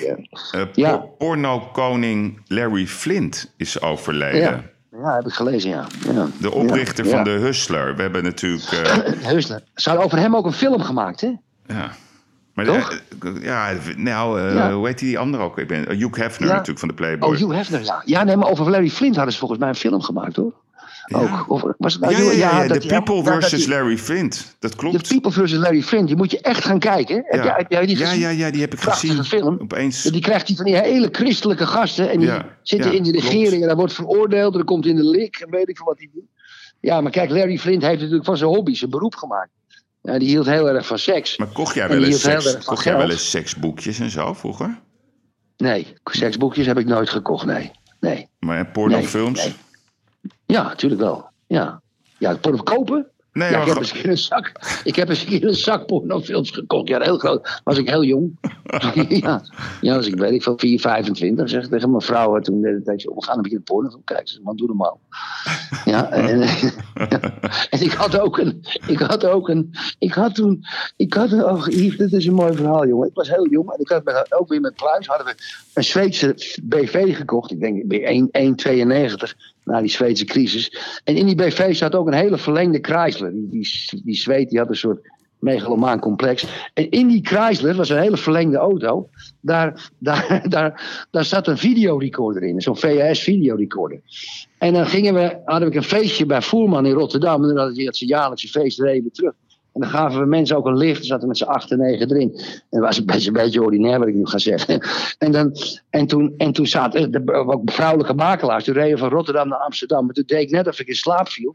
En toen zat meteen, ja, die had ik al ingesteld, op play. Ja, en dan tikte ik, ik net slaap, dan tikte ik zo onder op, op play. En dan kwam ze boven, boven ons. Dan zag je opeens een gigantische orgie. En toen- die mensen, wat, wat is dit, wat is dit, wat is dit? En dan werd ik wakker zo. Wat is dit nou? Ja, Ah, die ik, Zweed- ik zie het helemaal. Ik zie, eh, ik zie jou het helemaal voor met die teen. Ja, ja, ja. Oké. Nou. Ja. Hij is dood, maar in ieder geval lang leven de pornokoning. Ja, ja, ja, ja, ja, Heb je Sigrid Kaag nog gezien? Heb je Sigrid Kaag weer bij M gezien? Ja, jongens, De nieuwe, luisteraars. Sigrid is de nieuwe appie. Ja, Sigrid is de nieuwe appie, want die mag elke keer bij, bij, bij M komen. En wij hebben al een keer Ja, uitgelegd dat de vriendin van Kasia Longren, die maakt dat M. En ze zit daar. Maar wat, wat, wat wil ik echt even meegeven? Want we gaan het ook hebben over de Great Reset. En voor mij is, is Sigrid Kaag echt het symbool van de Great Reset. Ja, Dus ze zitten daar met vier vrouwen. Hartstikke goed. Leuk om ook naar te kijken. En op een gegeven moment ontstaat er een soort conflictje tussen Lilan Marijnissen en Sigrid Kaag. En die Lilan die draait zich zo om naar links. En die, ja, die, die is het niet helemaal eens met, eh, met, met wat Sigrid zegt. En die, ja, die, die spreekt er gewoon aan. Niet op de man, maar op de vrouw in dit geval. En die blik, Erik, van Sigrid Kaag, ja. dat iemand haar tegenspreekt. Ja, ja. Het was, Ja, het was unieke Kijk, televisie. Ik vraag iedereen. Mhm. kijk even terug naar het korte fragment. Wat was dat fout en wat liet ze zich op dat moment kennen? Oeh, Ja, ja, ja. Ja, ja, ja. Oké, Dus de Rabobank. Sigrid is gewoon de, de nieuwe appie. Kut nieuwe- Rabobank, bedoel je? Ja, nou ja, Rabobank. Wat is er aan de hand? Nee, kut Rabobank. Maar kijk, weet je, dan zien ik we die hier, Barbara even, ik heb een Financieel Dagblad, Erik, onze favoriete krant. Vrijdag is van vandaag. Rabobank presteert beter dan verwacht, maar schrapt circa 5000 arbeidsplaatsen. Ja, kijk. Wat vinden we daarvan?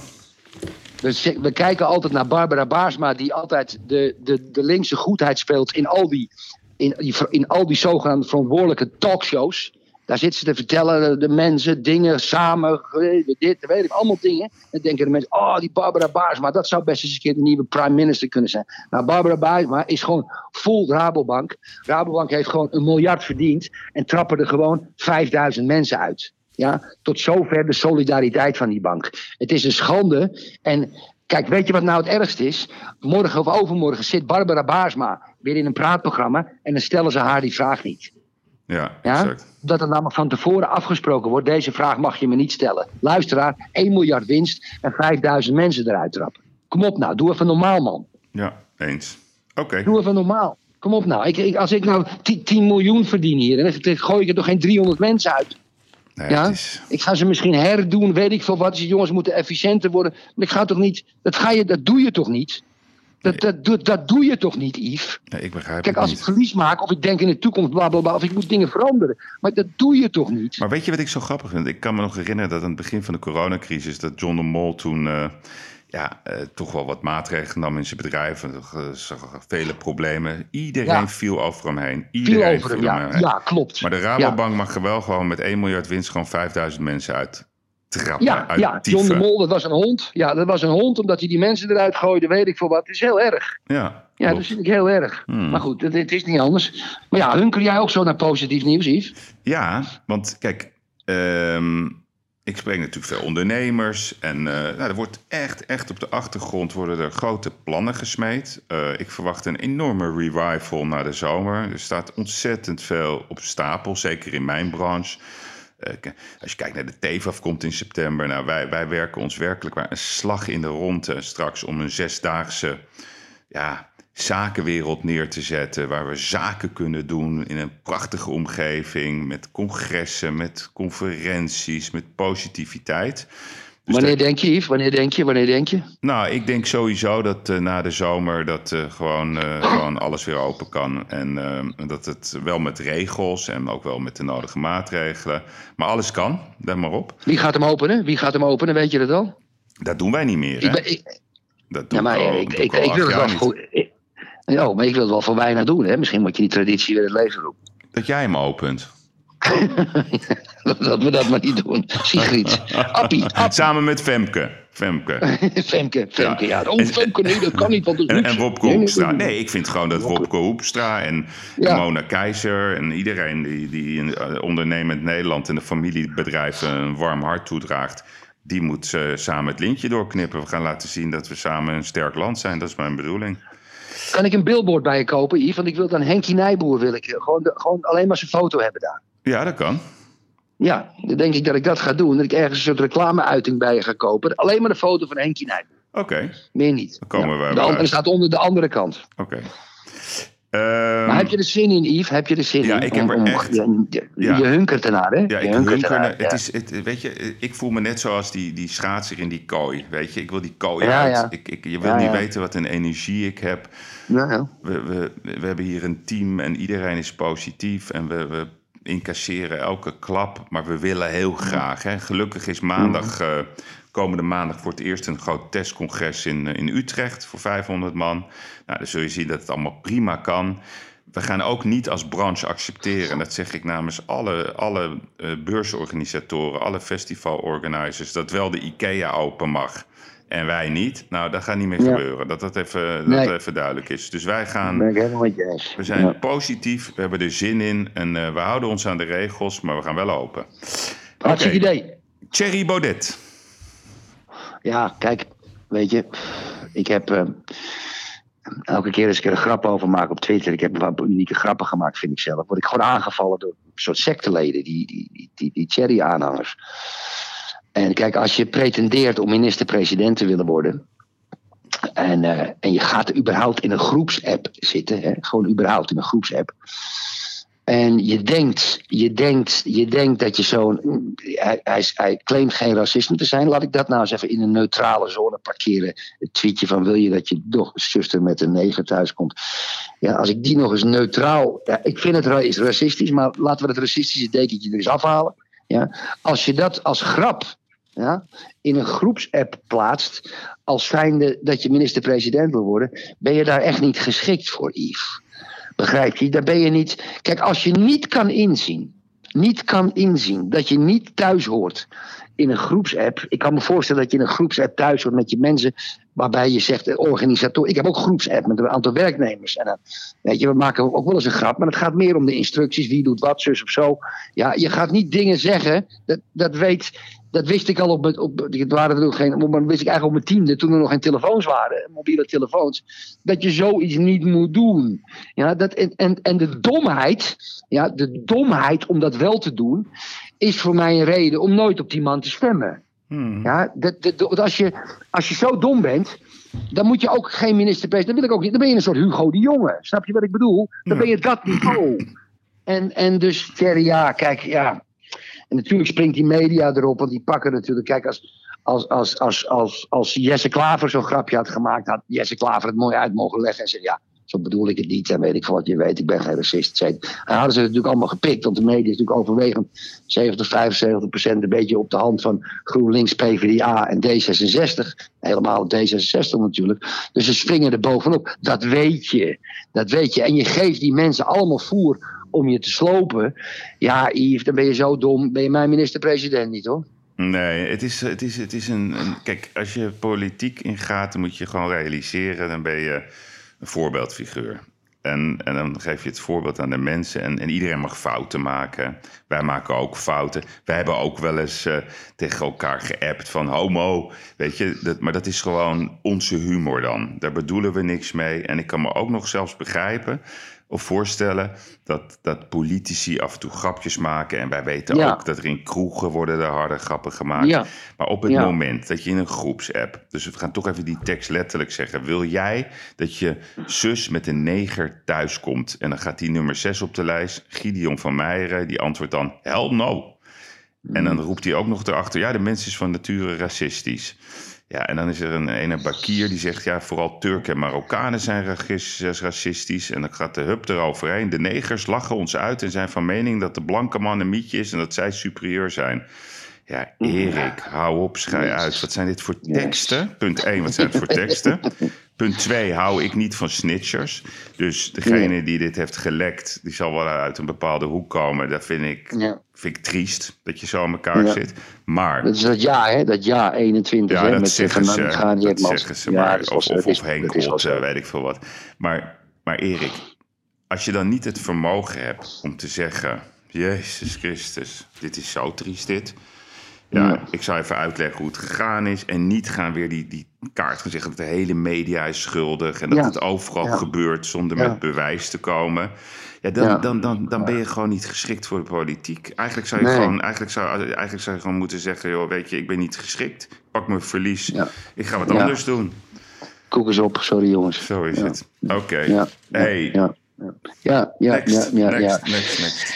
Eh, Hoorde ik nou dat er een soort. eh, iets geheim. Ja, Eh, jij hebt een tipje op, opgelicht, maar daar wil ik toch iets meer van weten. Dat er een soort juridische actie tegen de overheid door een paar hele grote partijen wordt voorbereid. ja, ik heb het hier voor me liggen. Ik ga niet eh, bronnen En noemen. wie is je bron, weet je dat? Ja, ja, zeker. Ja, die gaan we nooit Mag vullen. je niet vertellen, Nee, zeker? natuurlijk niet.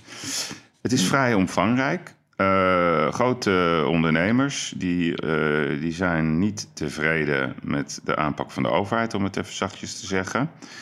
En het, het, het, het idee bestaat uit een aantal componenten. Eén, eh, het aanschrijven van het RIVM, het OMT, het kabinet. Eh, ze willen een getuige voor gaan, eh, gaan doen. En ze willen, Zo, ja, en, en ze willen het gerechtere traject ingaan. Nou, dus wat de gedachte is, het zit in de onderzoeksfase. Dan denken, aan wie denken wij trouwens als je een advocaatkantoor Ja, maar hebt? luister, als zij, als zij Blenheim advocaten niet nemen, dan weet ik het niet meer. Kijk, Blenheim advocaten is natuurlijk de perfecte advocaat om dat te doen. Ja, en dan zit je Arjan, als je- als Arjan voor- Paardenkoper als voorman. En dan weet je in ieder geval dat je, dat je wint. De- dat je de grote kans hebt om te winnen. Volgens mij, als je al die gemiddelde van al die grote advocatenkantoren neemt, je neemt een percentage van de zaken die ze winnen, dan staat Blenheim met verve bovenaan. Ja, nee, dus, maar goed, dat, dat, dat weet ik niet. Ehm, het enige wat ik wel weet, dit is heel serieus dit. Heel, heel serieus. Eh, er is ook al een vrij omvangrijk onderzoeksbedrag al eh, bij elkaar gesprokkeld om de kansen te bekijken. Het is natuurlijk ook een vorm van therapie, denk ik, voor die mensen. Want jij weet ook, als je de overheid gaat aanklagen, dat kan echt werkelijk waar 10, 20 jaar gaan duren. Hebben ze een pot met geld neergelegd? Ja, ja. Dus Oké, oké, spannend. het gaat eh, in de media komen als ze kansen zien. Dan weten we dat alvast. Dus gij had in de vlieger. Hebben het alvast voorspeld. Ja. Overheid, dat let op. Ja, die krijgen, een, die krijgen, de over- eh, maar krijgen ze een schadeclaim of krijgen ze het, het- worden ze gedrukt in een ander beleid? Wat, wat is de eis? Nou, de eis zal schade worden. Kijk, ik denk, hoe ik het, als, als ik een advies mag geven, dan zou ik zeggen: oké, je moet gewoon de beschikkingen pakken van de NOW en van de TVL. En je moet gewoon zeggen: ja, dicht is dicht, maar dan willen we 100 Dat gaat de eis worden. Dat is vrij logisch. Want als, Ja. als iemand je, je, je deur dichtgooit, ja, dan zeg je ook: ja, dan moet je ook mijn bonnetje pakken. Dus eigenlijk is Ja, het eh, ik- in de basis heel simpel. Ja, ja wanneer komt dat in het nieuws, Yves? Nou, Denk je? ik, denk, ik denk dat eh, als je. Als je dus wat. Ik weet dat er een uitspraak is van de Hoge Raad. Die zeg Mhm. maar in het voordeel spreekt van de mogelijke eisende partijen. Mhm. Dus als het advocatenkantoor eh, zeg maar genoeg eh, kansen ziet, dan zou het zomaar kunnen zijn dat het volgende week of de week erop al in het nieuws gaat komen. En ik, en ik ga er maar vanuit dat er hier heel veel eh, mediagedoe omheen gaat komen. Want het zijn, het zijn Ja, ja. serieuze jongens. Oké, goed Ik dat je dat al weet. het, ik vind het niet fijn, maar ik begrijp het wel. Oké, Erik. Oké, oké, ja. Zembla. Gisteren. Ja. De uitzonderingspositie van het Koningshuis. Nou, kijk, Yves, we hebben gisteren een Zembla-aflevering gezien. Dit was de tweede aflevering in een tweeluik. Ehm, wat een jaar geleden hoor. ook. Ik vond het goed. Ja, maar ik ben wel erg geschrokken. Weet Ja. je, kijk, ik, ik, ben geen tegenstander van het Koningshuis. Maar ik vond, ik vond zeg maar, de, de rol van het Koningshuis in deze zo discutabel. En wat ik het erge eigenlijk vond, is dat al die mensen, die hoge ambtenaren, die renmeesters, die, die, die raad van bescherming voor het terrein, de politici, eh, de staatssecretaris. Rutte. Er wordt in één Rutte, er werd in één keer een cordon sanitair getrokken om, om, om die mensen die, die te laten jagen op hun eigen terrein. En dat is nog ineens het probleem, Yves. Kijk, je mag natuurlijk zelf doen wat je wil. Ik hou niet van jagen. Nee. Goed. Maar je mag natuurlijk wel zelf bepalen wat je doet op je terrein. Binnen de wet, laat ik het zo zeggen. Maar dat ze subsidie hebben gekregen. heel veel 4,7 subsidie. miljoen of zo. En dat die subsidie inhoudt eigenlijk in de wet dat je 90% of dat je 358 dagen per jaar open moet zijn en een weekje gesloten. En dat ze die regels gewoon aan hun laars lappen, omdat ze met hun adellijke vriendjes willen jagen, een paar dieren voor hun kop schieten. Ja, en, en ook die boswachter die dan in gisteren die daar voorbij reed en die dan ook heel hard wegreed. Iedereen weet het is zo fout. En ik ben diep en diep teleurgesteld in Willem-Alexander. Diep teleurgesteld. Want? Ik vind het, eh, ik vind het een, eh, ik, en het opzetje met al die ambtenaren die dat doen om een baantje te behouden, om een salaris te behouden. En die dan gewoon eigenlijk gewoon de wet willen overtreden. Dan komt het in de Kamer. Rutte belooft dat hij antwoord geeft. Doet dat gewoon niet. Ja, ik vind het. Ik vind het weet je wat ik het. Ik, vind het, ik krijg er een hele vieze smaak van in mijn mond. En ik ben echt teleurgesteld in het Koningshuis. Hmm. Echt Ja, teleurgesteld. Nee, eens. Ik, ik, ik vond, ehm, wat ik zelf het meest... Ik vond trouwens echt complimenten voor Zembla. Ik vind dat ze het heel, heel goed hebben uitgelegd. Goed geduid. Ja. En, en ze Ja. bleven maar doorgaan, doorgaan, doorgaan. En ze werden van het kastje naar het muurtje gestuurd. Echt niet Ja. normaal. En, Ja. en, en vooral die zwijg, hè, dat cordon sanitair, die zwijgcultuur. nou, van eh, nee, nee, nee, dat doen we geen uitspraak. U moet bij de RVD zijn. En de RVD, ja. eh, de Rijksvoorlichtingsdienst. En dan, de- de- Het, het- het zijn- dezelfde bewegingen als met de toeslagenaffaire. maar exact. Dat, dat Exact dezelfde beweging. Het zit gewoon in die mensen. En het is gemeen. En het, is, het is gemeen. Het is allemaal behoud van salaris. Het is gemeen. Maar- Ze zijn er voor ons, hè, dat is het probleem. Maar, ze, maar ze, ze, ze, ze handelen alsof wij er voor hen zijn. En dat is. Het, het voelt niet goed, Yves. Nee. En dat Willem-Alexander daar meedoet, maakt hem geen goede koning. Nee, nee, nee. hij hij- krijgt geen rode kaart van me, maar hij heeft wel een gele kaart te pakken. Ja, hij heeft een gele kaart te pakken. Kijk, en hij is Ja. wel eerlijk geweest eh, een keertje bij, met een interview met Witteman. Hij zei, ja, een hele moeilijke discussie, wel of niet jagen. Ratio, Hmm. emotioneel. Maar hij was in ieder geval Ja. eerlijk dat hij zegt, ja, ik doe dat. Dat, dat kan ik dan Ja. waarderen. Ik ben het er niet mee eens, maar hij zegt het wel eerlijk. Ja. Maar als je dit niet begrijpt, dat je subsidie eh, krijgt van het Rijk, van het volk, van de Ja. mensen. En dat je Ja. gewoon, dat terrein is helemaal niet van jou. Dat is gewoon van, van, van de mensen. Ja, Ja. precies. Ja, slecht verhaal. Maar ik had iets heel interessants. Erik. En dat is wat mij opviel aan die uitzending. Want er zijn kamervragen over gesteld aan Rutte. En nu moet je gaan... Dus ik zeg tegen de luisteraars... Kijk terug dat als Rutte een moeilijke vraag krijgt... waar hij geen antwoord op weet... misschien zelfs liegt... dan kijkt hij naar beneden. ja, naar beneden, naar op zijn papieren. Ja, dat vond ik hele interessante non-verbale communicatie. Dus, dus als Rutte naar beneden kijkt, dan weet je dat er iets aan de hand is. Ja, analoge, hij had iets van, het is een analoog ding of een anogeen. Hij zei, zei toen keek hij naar beneden, ja, dat heb ik Ja. gezien, ja. Ja. Mooi, mooi dat het jou opgevallen is. Ja. Scherp ben je, je bent scherp, je bent scherp. Je bent scherp, jongen, jongen, jongen. Ja, maar Yves, kijk, over scherpte gesproken. Oude meestervoorspeller ben je, een oude meestervoorspeller. De bitcoin. Daar hebben wij nog een discussie over gehad. Die zei, nee, dat kan niet met die bitcoin. Dat wordt nooit 20.000. Toen was het een week later, nee Yves, dat wordt nooit 25.000. Nee Yves, dat wordt net 30.000. En jij zei, Erik, wacht maar, wacht maar, dat ding. Dat ding volgens mij zei je dat hij een miljoen gaat worden ooit. Nee, ik heb gezegd, hebt- zullen we even terugluisteren naar mijn voorspelling? Dat heb ik gedaan in december. Even, even kort Ja. terug. Niet om gelijk te hebben, maar ja, luisteraars, je kan geld verdienen als je meeluistert. Ja. Even terugluisteren. Maar waarom denk ik dat die bitcoin echt ziek gaat doorbreken. Ik, ik durf te voorspellen dat hij in 2021 minimaal de 40.000 dollar gaat aantikken. Dat durf ik gewoon te zeggen. En waarom denk ik dat? Omdat, het, omdat mensen klaar zijn met het oude geldsysteem. Dus er wordt maar bijgedrukt en bijgedrukt aan geld. Geld, er, er, wordt, er komt gewoon inflatie. Dat kan niet anders. Dat weet jij ook. Dat kan niet anders. Dus mensen gaan zoeken naar andere vluchthavens. En die bitcoin, inmiddels alle grote family offices zitten erin.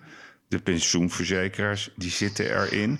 Dus er wordt, juist- ik vind het niks. Ik vind wordt- het helemaal niks. ja, nee, nou oké, daar hoeven we het niet over eens te zijn. Dus ik, Nee, ik, ik ben nee, voor de nee. bitcoin en ik denk ook dat dat een, eh, een grote vlucht gaat aannemen. Ik, ik durf zelfs Ja. te voorspellen dat binnen vijf jaar de bitcoin naar de 250.000 gaat.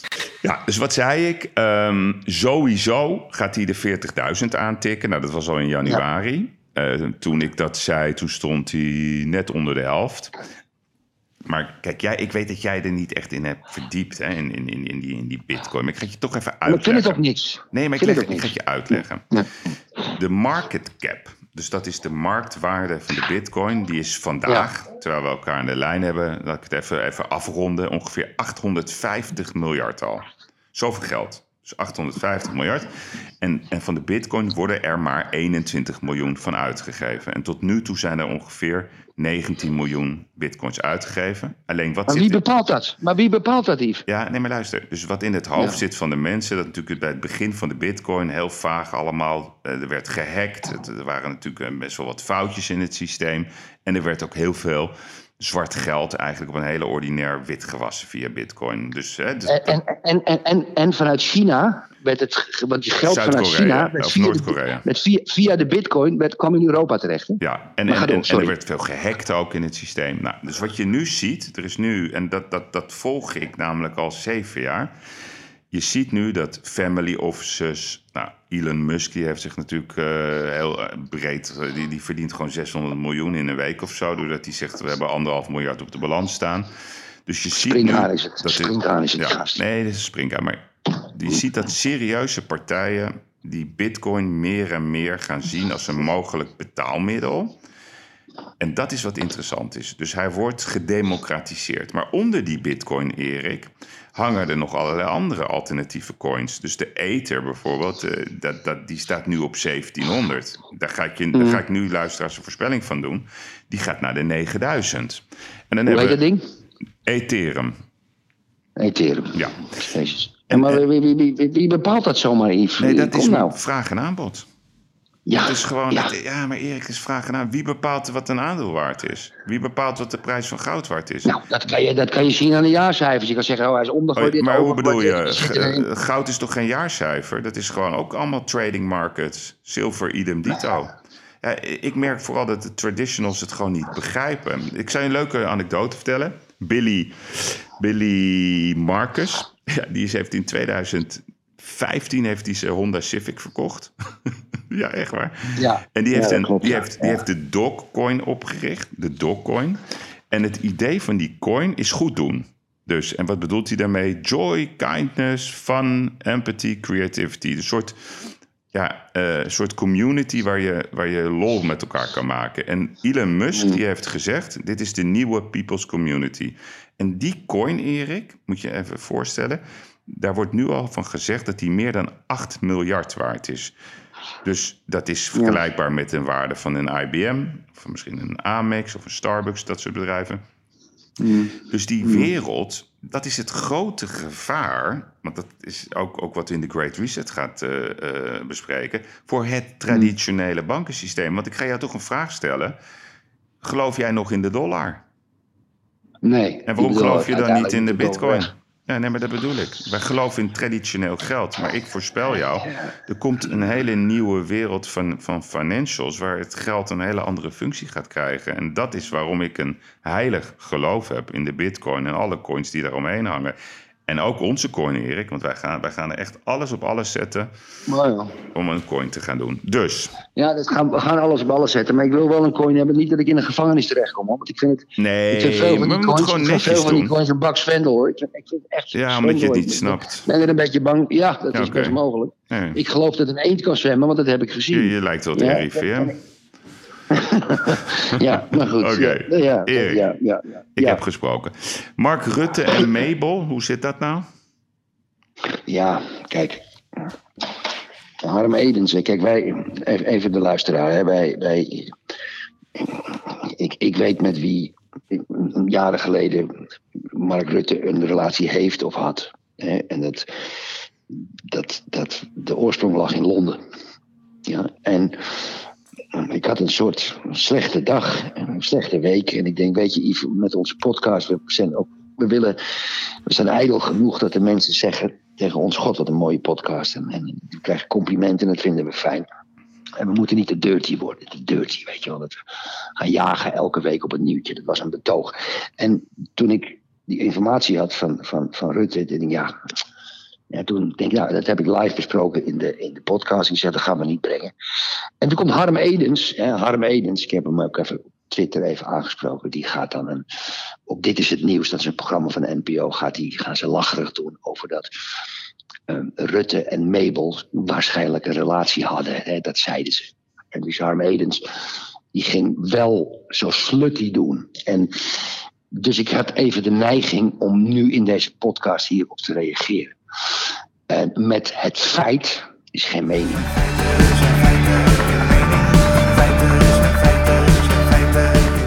Dat Mabel bij de bewuste lunch waar Rutte met zijn relatie zat, juist erbij geroepen werd om te verbloemen met wie Mark Rutte zat. Rijksvoorlichtingsdienst, ja, heb ik uit, uit de goede bron. Maar, Nou, ja. dus, dus, dus ik wil eventjes ook aan de luisteraar zeggen: geloof Harm Edens niet. Hmm. Met dit is het nieuws dat Mark Rutte en Mabel een relatie hebben. Oké. Maar wij Dat gunnen wel Mark Rutte, en dat meen ik echt werkelijk waar uit de grond van mijn hart, een hartstikke mooie relatie. En met wie het ook is, leuk. Natuurlijk. Hartstikke Ja. leuk, eh, Mark. Dat laten we er geen eh, Echt. ongoing discussie van maken. Nee, en er is ook een beetje een soort, soort code van, van de journalistiek, omdat ze privérelaties Ja, een ja, beetje achterwege te laten. En dat vind ik een goede code. Ik ook. Ik Vind ik een ook. goede code. Oké, oké. vind ik echt, echt, echt een hartstikke goede code. Nou, Yves, als we met de pingpong, want we moeten ook een beetje op de tijd letten. We zijn nu 1 uur en 17 minuten bezig. Eh, het laatste item in de pingpong vind ik altijd een prachtig item. Want jij als, als, als familiebedrijf man, hè, bijna woordvoerder, eh, geweten noem ik je bijna. Voor- en jij bezoekt wekelijks familiebedrijven, zeker nu in covid-tijd. Wat is het familiebedrijf van deze week? Dat is eh, Lengers Yachts. Dat is een prachtig botenbedrijf bij Muiden. Misschien ken je het wel. Lengers jas? Lengers, dus eh, Lengers Yachts, dus met een Y. Yachts, ja, ja. ja, ja. Ja, En dat ja. is eh, eh, van Bas Lengers. En, en ook Ja. zijn broer werkt er en, en Ja. zijn zus Marjolein Lengers. Eigenlijk hadden ze in 2020 het eh, 50-jarige bestaan willen vieren, groots. Een, een Zijn vader dat begonnen, dat ja, bedrijf? Ja, ja, en het is, Ja, mooi, het is Mooi. zo mooi, trots bedrijf. Ze werken met, met prachtige jachtenmakers uit Italië. Ze hebben hun eigen merken, ze hebben onderhoud. Ze zijn, Mhm. ze zijn altijd in contact met het water, om het zo maar te zeggen. Ja. Bas kan praten over boten zoals jij praat over de Elfstedentocht. Ehm, en wat ik het mooiste vind aan dit bedrijf, dat is... Ja, ik, ik, ik wil niet zeggen dat ze zeven dagen in de week werken. Die werken acht dagen in de week. Ja. Die zijn altijd open. Eh, als, er weer, als er weer een boot kan worden verkocht. eh, dat, dat, dat is zo'n plezier om, om daar te zijn. En, en het, het is Ja. ook een soort haven waar je dan binnenloopt. De koffie Goed, staat hè? altijd klaar. Het is, Ja. het is, het is, ik voel me daar zo lekker, jongen. En, en, en ja, er staan ook hele grote jachten die voor, voor weinig mensen betaalbaar zijn. Maar er zijn ook prachtige sloepjes en er zijn allerlei mogelijke eh, tussenvarianten. Er zijn financieringsconstructies. Bouwen ze, bouwen ze of handelen ze? Nee, ze handelen. Eh, dus Ja, het is echt een, een bedrijf wat eh, met de grote Italiaanse merken werkt, zoals San Lorenzo. Dat noemen ze dan Mhm. de Real Madrid van de schepen. Nou, ehm, maar ook de speedboten en ook de sloepen en het onderhoud. Maar vooral die, die liefde voor het water. En, en, en ook soms dan komen die Italianen daar. Ja, die kunnen als geen ander vertellen over de schoonheid van een schip. Ja, voor mij zijn zij symbool voor, voor, voor, de- voor dat mooie Nederland ook... wat zoveel bijzondere botenbouwers heeft. Hè? Laten we dat niet vergeten, vooral in Nee, Friesland. ik, wilde, ik wilde een keer met je naartoe, Yves. ja, Kan dat? Ja, zeker. Vind ik leuk. Altijd. En, En eh, misschien moeten we Henkie, eh Henkie Nijboer ook meenemen. Want als Lengersjats winst maakt, krijgen ze een crisisheffing wat naar andere bedrijven moet. En moeten die lullers laten zien hoeveel pijn die mensen Maar denk je dat Henk, eh, kan Henkie zwemmen? Ja. Nee, maar ik word daar boos over. Als Ja, je dat nee, je, vertelt nu weer bevlogen over het familiebedrijf. Ja, zo En dan mooi. zie ik zo'n tweet van zo'n gast Ja. in Den Haag. Zo met, Nee, dat is daar- niet oké. Stop. ik- Nee, Stop. daar word ik... Stop. Stop. Stop. Het botenbedrijf, familiebedrijf van deze week. Lengershots. De Manolev Award, Erik. Hartstikke Ja, idee. Henkie. Henkie. Henkie Nijboer en ik ga, ik ga, ik ga, ik doe geen concessie aan je. Oké. Ja, ik doe echt, als je, je kan me komen met wie je wil, maar het is voor mij betreft Henkie Nijboer. Oké. De, de gevaarlijkheid van zijn denkwijze. Henkie Nijboer, Madelef Award. Ik zal het zo... eh, Daar komt hij. We gaan de jingle inzetten. ja, 1, 2, 3.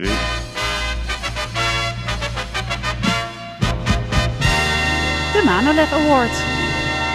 Ja, hey, even nog over Thomas Akda. We moeten ook tijdens de uitzending, of ga je zo beginnen met het lied? Ik ben, ik, ik ben zo trots op het lied wat Thomas voor ons Ja, nee, geschreven we zijn begonnen vandaag met het lied. Oh, En we sluiten af met het lied. Ja, ja, nee, bij Ja, de, ja, die had je niet gehoord natuurlijk. Nee, we zijn natuurlijk, we zijn super blij met Thomas. En, en, en Ja. af en toe dan fietst hij er ook doorheen. Dus dat, eh, dat je dat ook weet. heerlijk. Heerlijk, Ik, heerlijk, oh, heerlijk, ik had trouwens nog een, eh, een leuk verhaal. Ik, eh, eh, hou jij van knikkeren? Ja. Heb je dat eh, programma wel eens gezien? Die knikkershow van John de Ja, Mol. stukje, stuk, stukjes ervan, ja. is echt dat- vergelden bedoel. Ja, vind je dat leuk? Ja, ja, ik vind de vondst. Ja, echt hè? Nee, maar Ja. dat is een hit, man. En dat, dat, dat, dat zijn nu al de, de- uit de wereld worden allerlei partijen alweer aan het bellen. En er is een hele fitty hè, op de achtergrond over die jongens. Ja, ja. ja. Jongens, ja. Ja, Ja. maar ik ben er wel Die even... Paul Reumer, Paul, met die Paul Reumer die dat ging Ja, hebben. die, die, die legde dat niet heel handig uit. Wat, Nee. Ik ben er een beetje ingedoken. En ehm, ik neem het op voor John de Mol. Ehm is helemaal niet nodig hoor, want niemand hoeft het voor hem op te nemen. En ik heb ook zeker niet met hem gesproken. Maar het, het ligt echt wel wat genuanceerder. En die jongetjes die, die eigenlijk gewoon een soort gouden ja, aanbod hebben gekregen. Die hebben dus zo'n zo'n zaakwaarnemer, zo'n ex-acteur... die werkelijk waar echt geen enkel idee heeft hoe je zaken doet. En dan wordt het Hoeveel zo- geld heeft hij ze dan beloofd, Yves? Weet je dat? Ja, ja, nee, ik, ik weet... 2,5 ton? Nou, Erik, geloof mij. Jij en ik hadden er ja tegen gezegd. Dus daar wil ik het op houden. Dus ik denk wel dat dat er wel uiteindelijk goed komt. Het is ook niet leuk voor zo'n project als dat er omheen blijft hangen. Maar die zaakwaarnemer van die jongens... ze kunnen beter Gerard en de Vlieger bellen, laat ik dat zo maar zeggen. dus jongens, als jullie meeluisteren... Ja. be- bel Gerard en de Vlieger en dan maken we het in. Gerard en de vlieger. hey Erik, we gaan, Ja. even, eh, we gaan het even hebben aan de luisteraars. Want wij, hebben een spannend projectje. We hebben Ja, eh, gisteren hebben we een drieluik opgenomen over de Great Reset. Ja, Ehm, Dat was Drie keer he- 50 minuten ongeveer. ja, ik vond het eh, echt, echt gaaf. Omdat ehm, het is een onwaarschijnlijk complex verhaal. Eh, Ja. We hebben het geduid, we hebben uitgelegd. eh, we hebben het uiteraard ook gehad over de Sigrid Kaars van deze wereld. Klaus Schwabs, over de looplijnen, over het World Economic Forum. Over Davos, wat is Davos? Mhm. Ja. Eh, over, Over de big techs. over de big techs, over de ridicule gedachten die er zijn. Over de voordelen, over de nadelen. Ja. En, en, en de eindconclusie was, was, was hilarisch.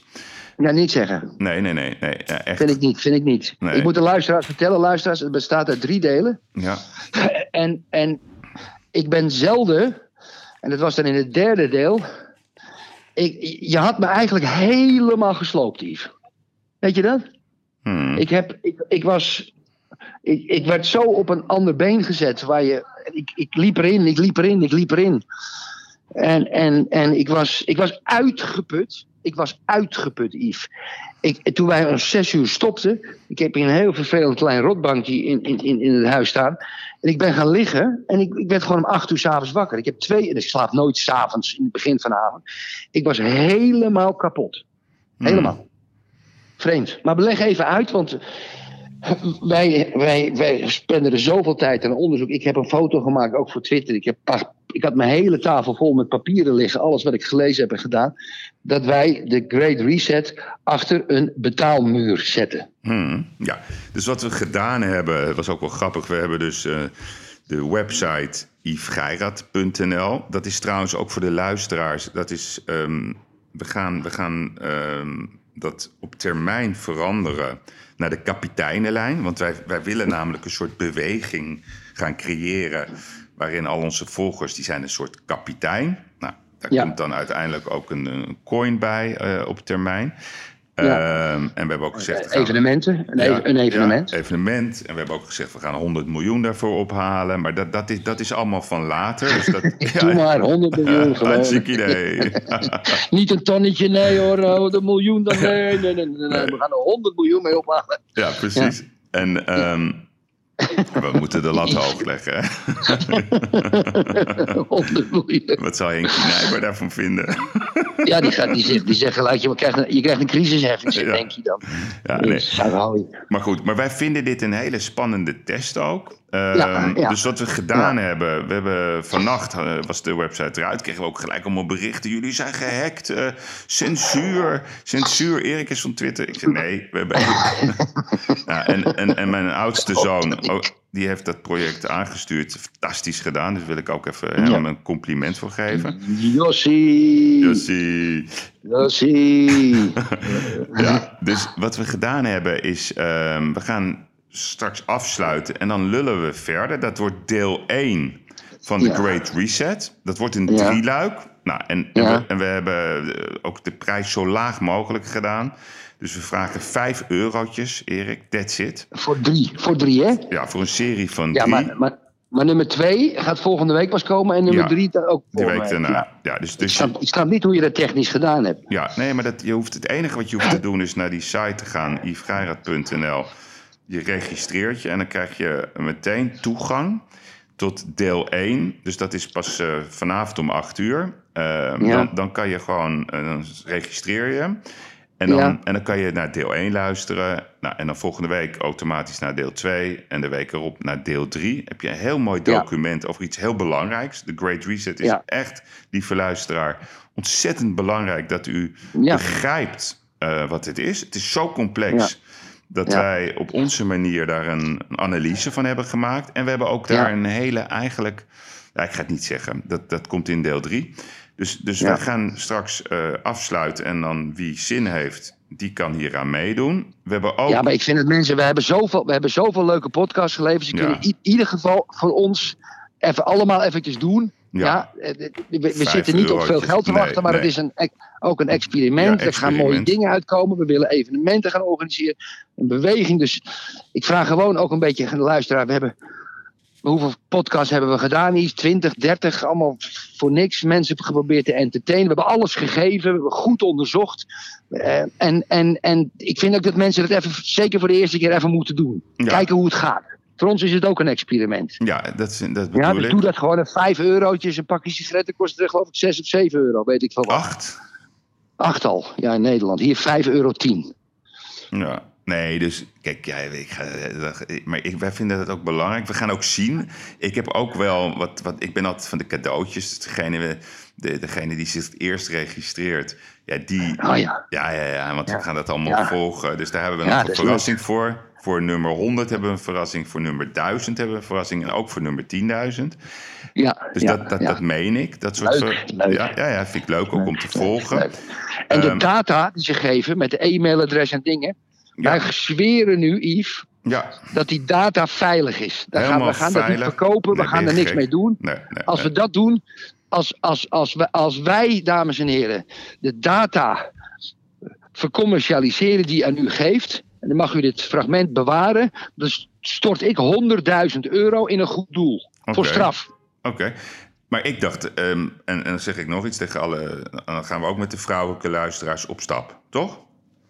Dus toch ook, we moeten Ja. toch ook een positieve beloning geven. Ook met de mannelijke Yves, ook met de mannen. En de mannen. Ja, de mannen ook. De mannen gaan mee. Gaan we gaan gaan ik, we ik ben echt feest. benieuwd. Ik ben er heel enthousiast over, Yves. Jij, ja, jij, kijk, onze podcast is natuurlijk als, vanuit onze vriendschap eh, in een soort hobby begonnen.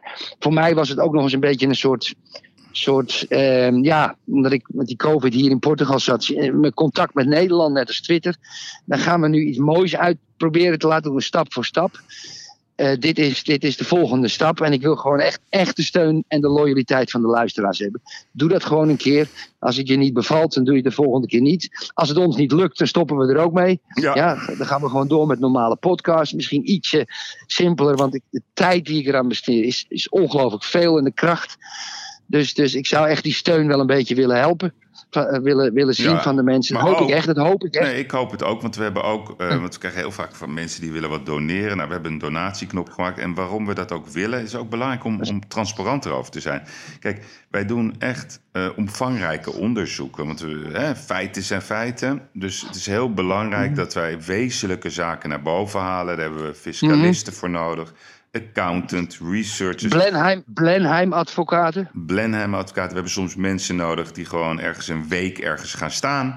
Er moeten Ja. in dossiers worden gespit. Nou, dus, dus research is, is, is, ja, is belangrijk. Maar we moeten ook de mensen die we daarvoor aan het werk zetten... natuurlijk eh, een normale honorering geven. Nou, dat is het Ja. verhaal. Dus eh, lieve mensen, we rekenen op jullie. Ja. We blijven ons best doen. Dus ik ga deze, deze mooie podcast... Ik vond het een hele leuke Ja, podcast. ja, ik ook. Ja, die, ga ik, Lekker. die ga ik afsluiten.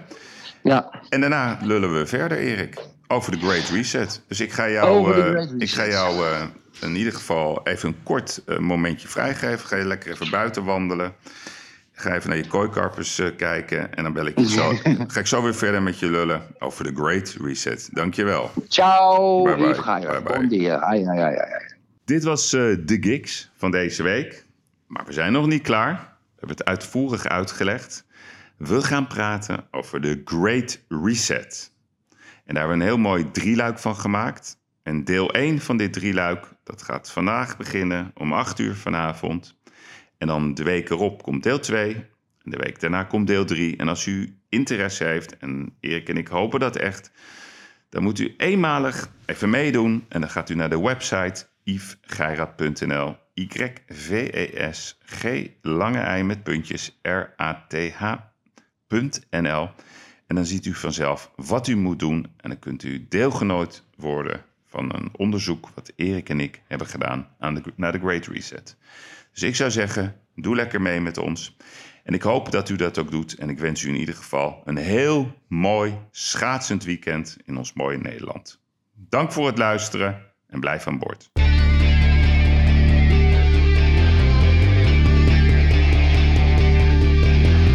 Ik moet soms wat kwijt, wat ik vind ervan. Littekens en jeuk, die koester ik maar dan.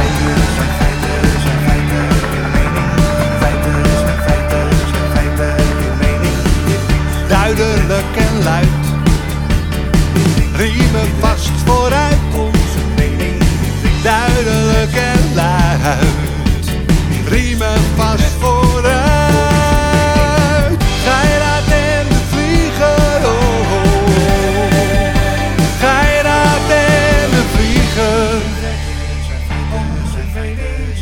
Moet soms wat kwijt, mijn mening. Meer dan 80 jaar ervaring.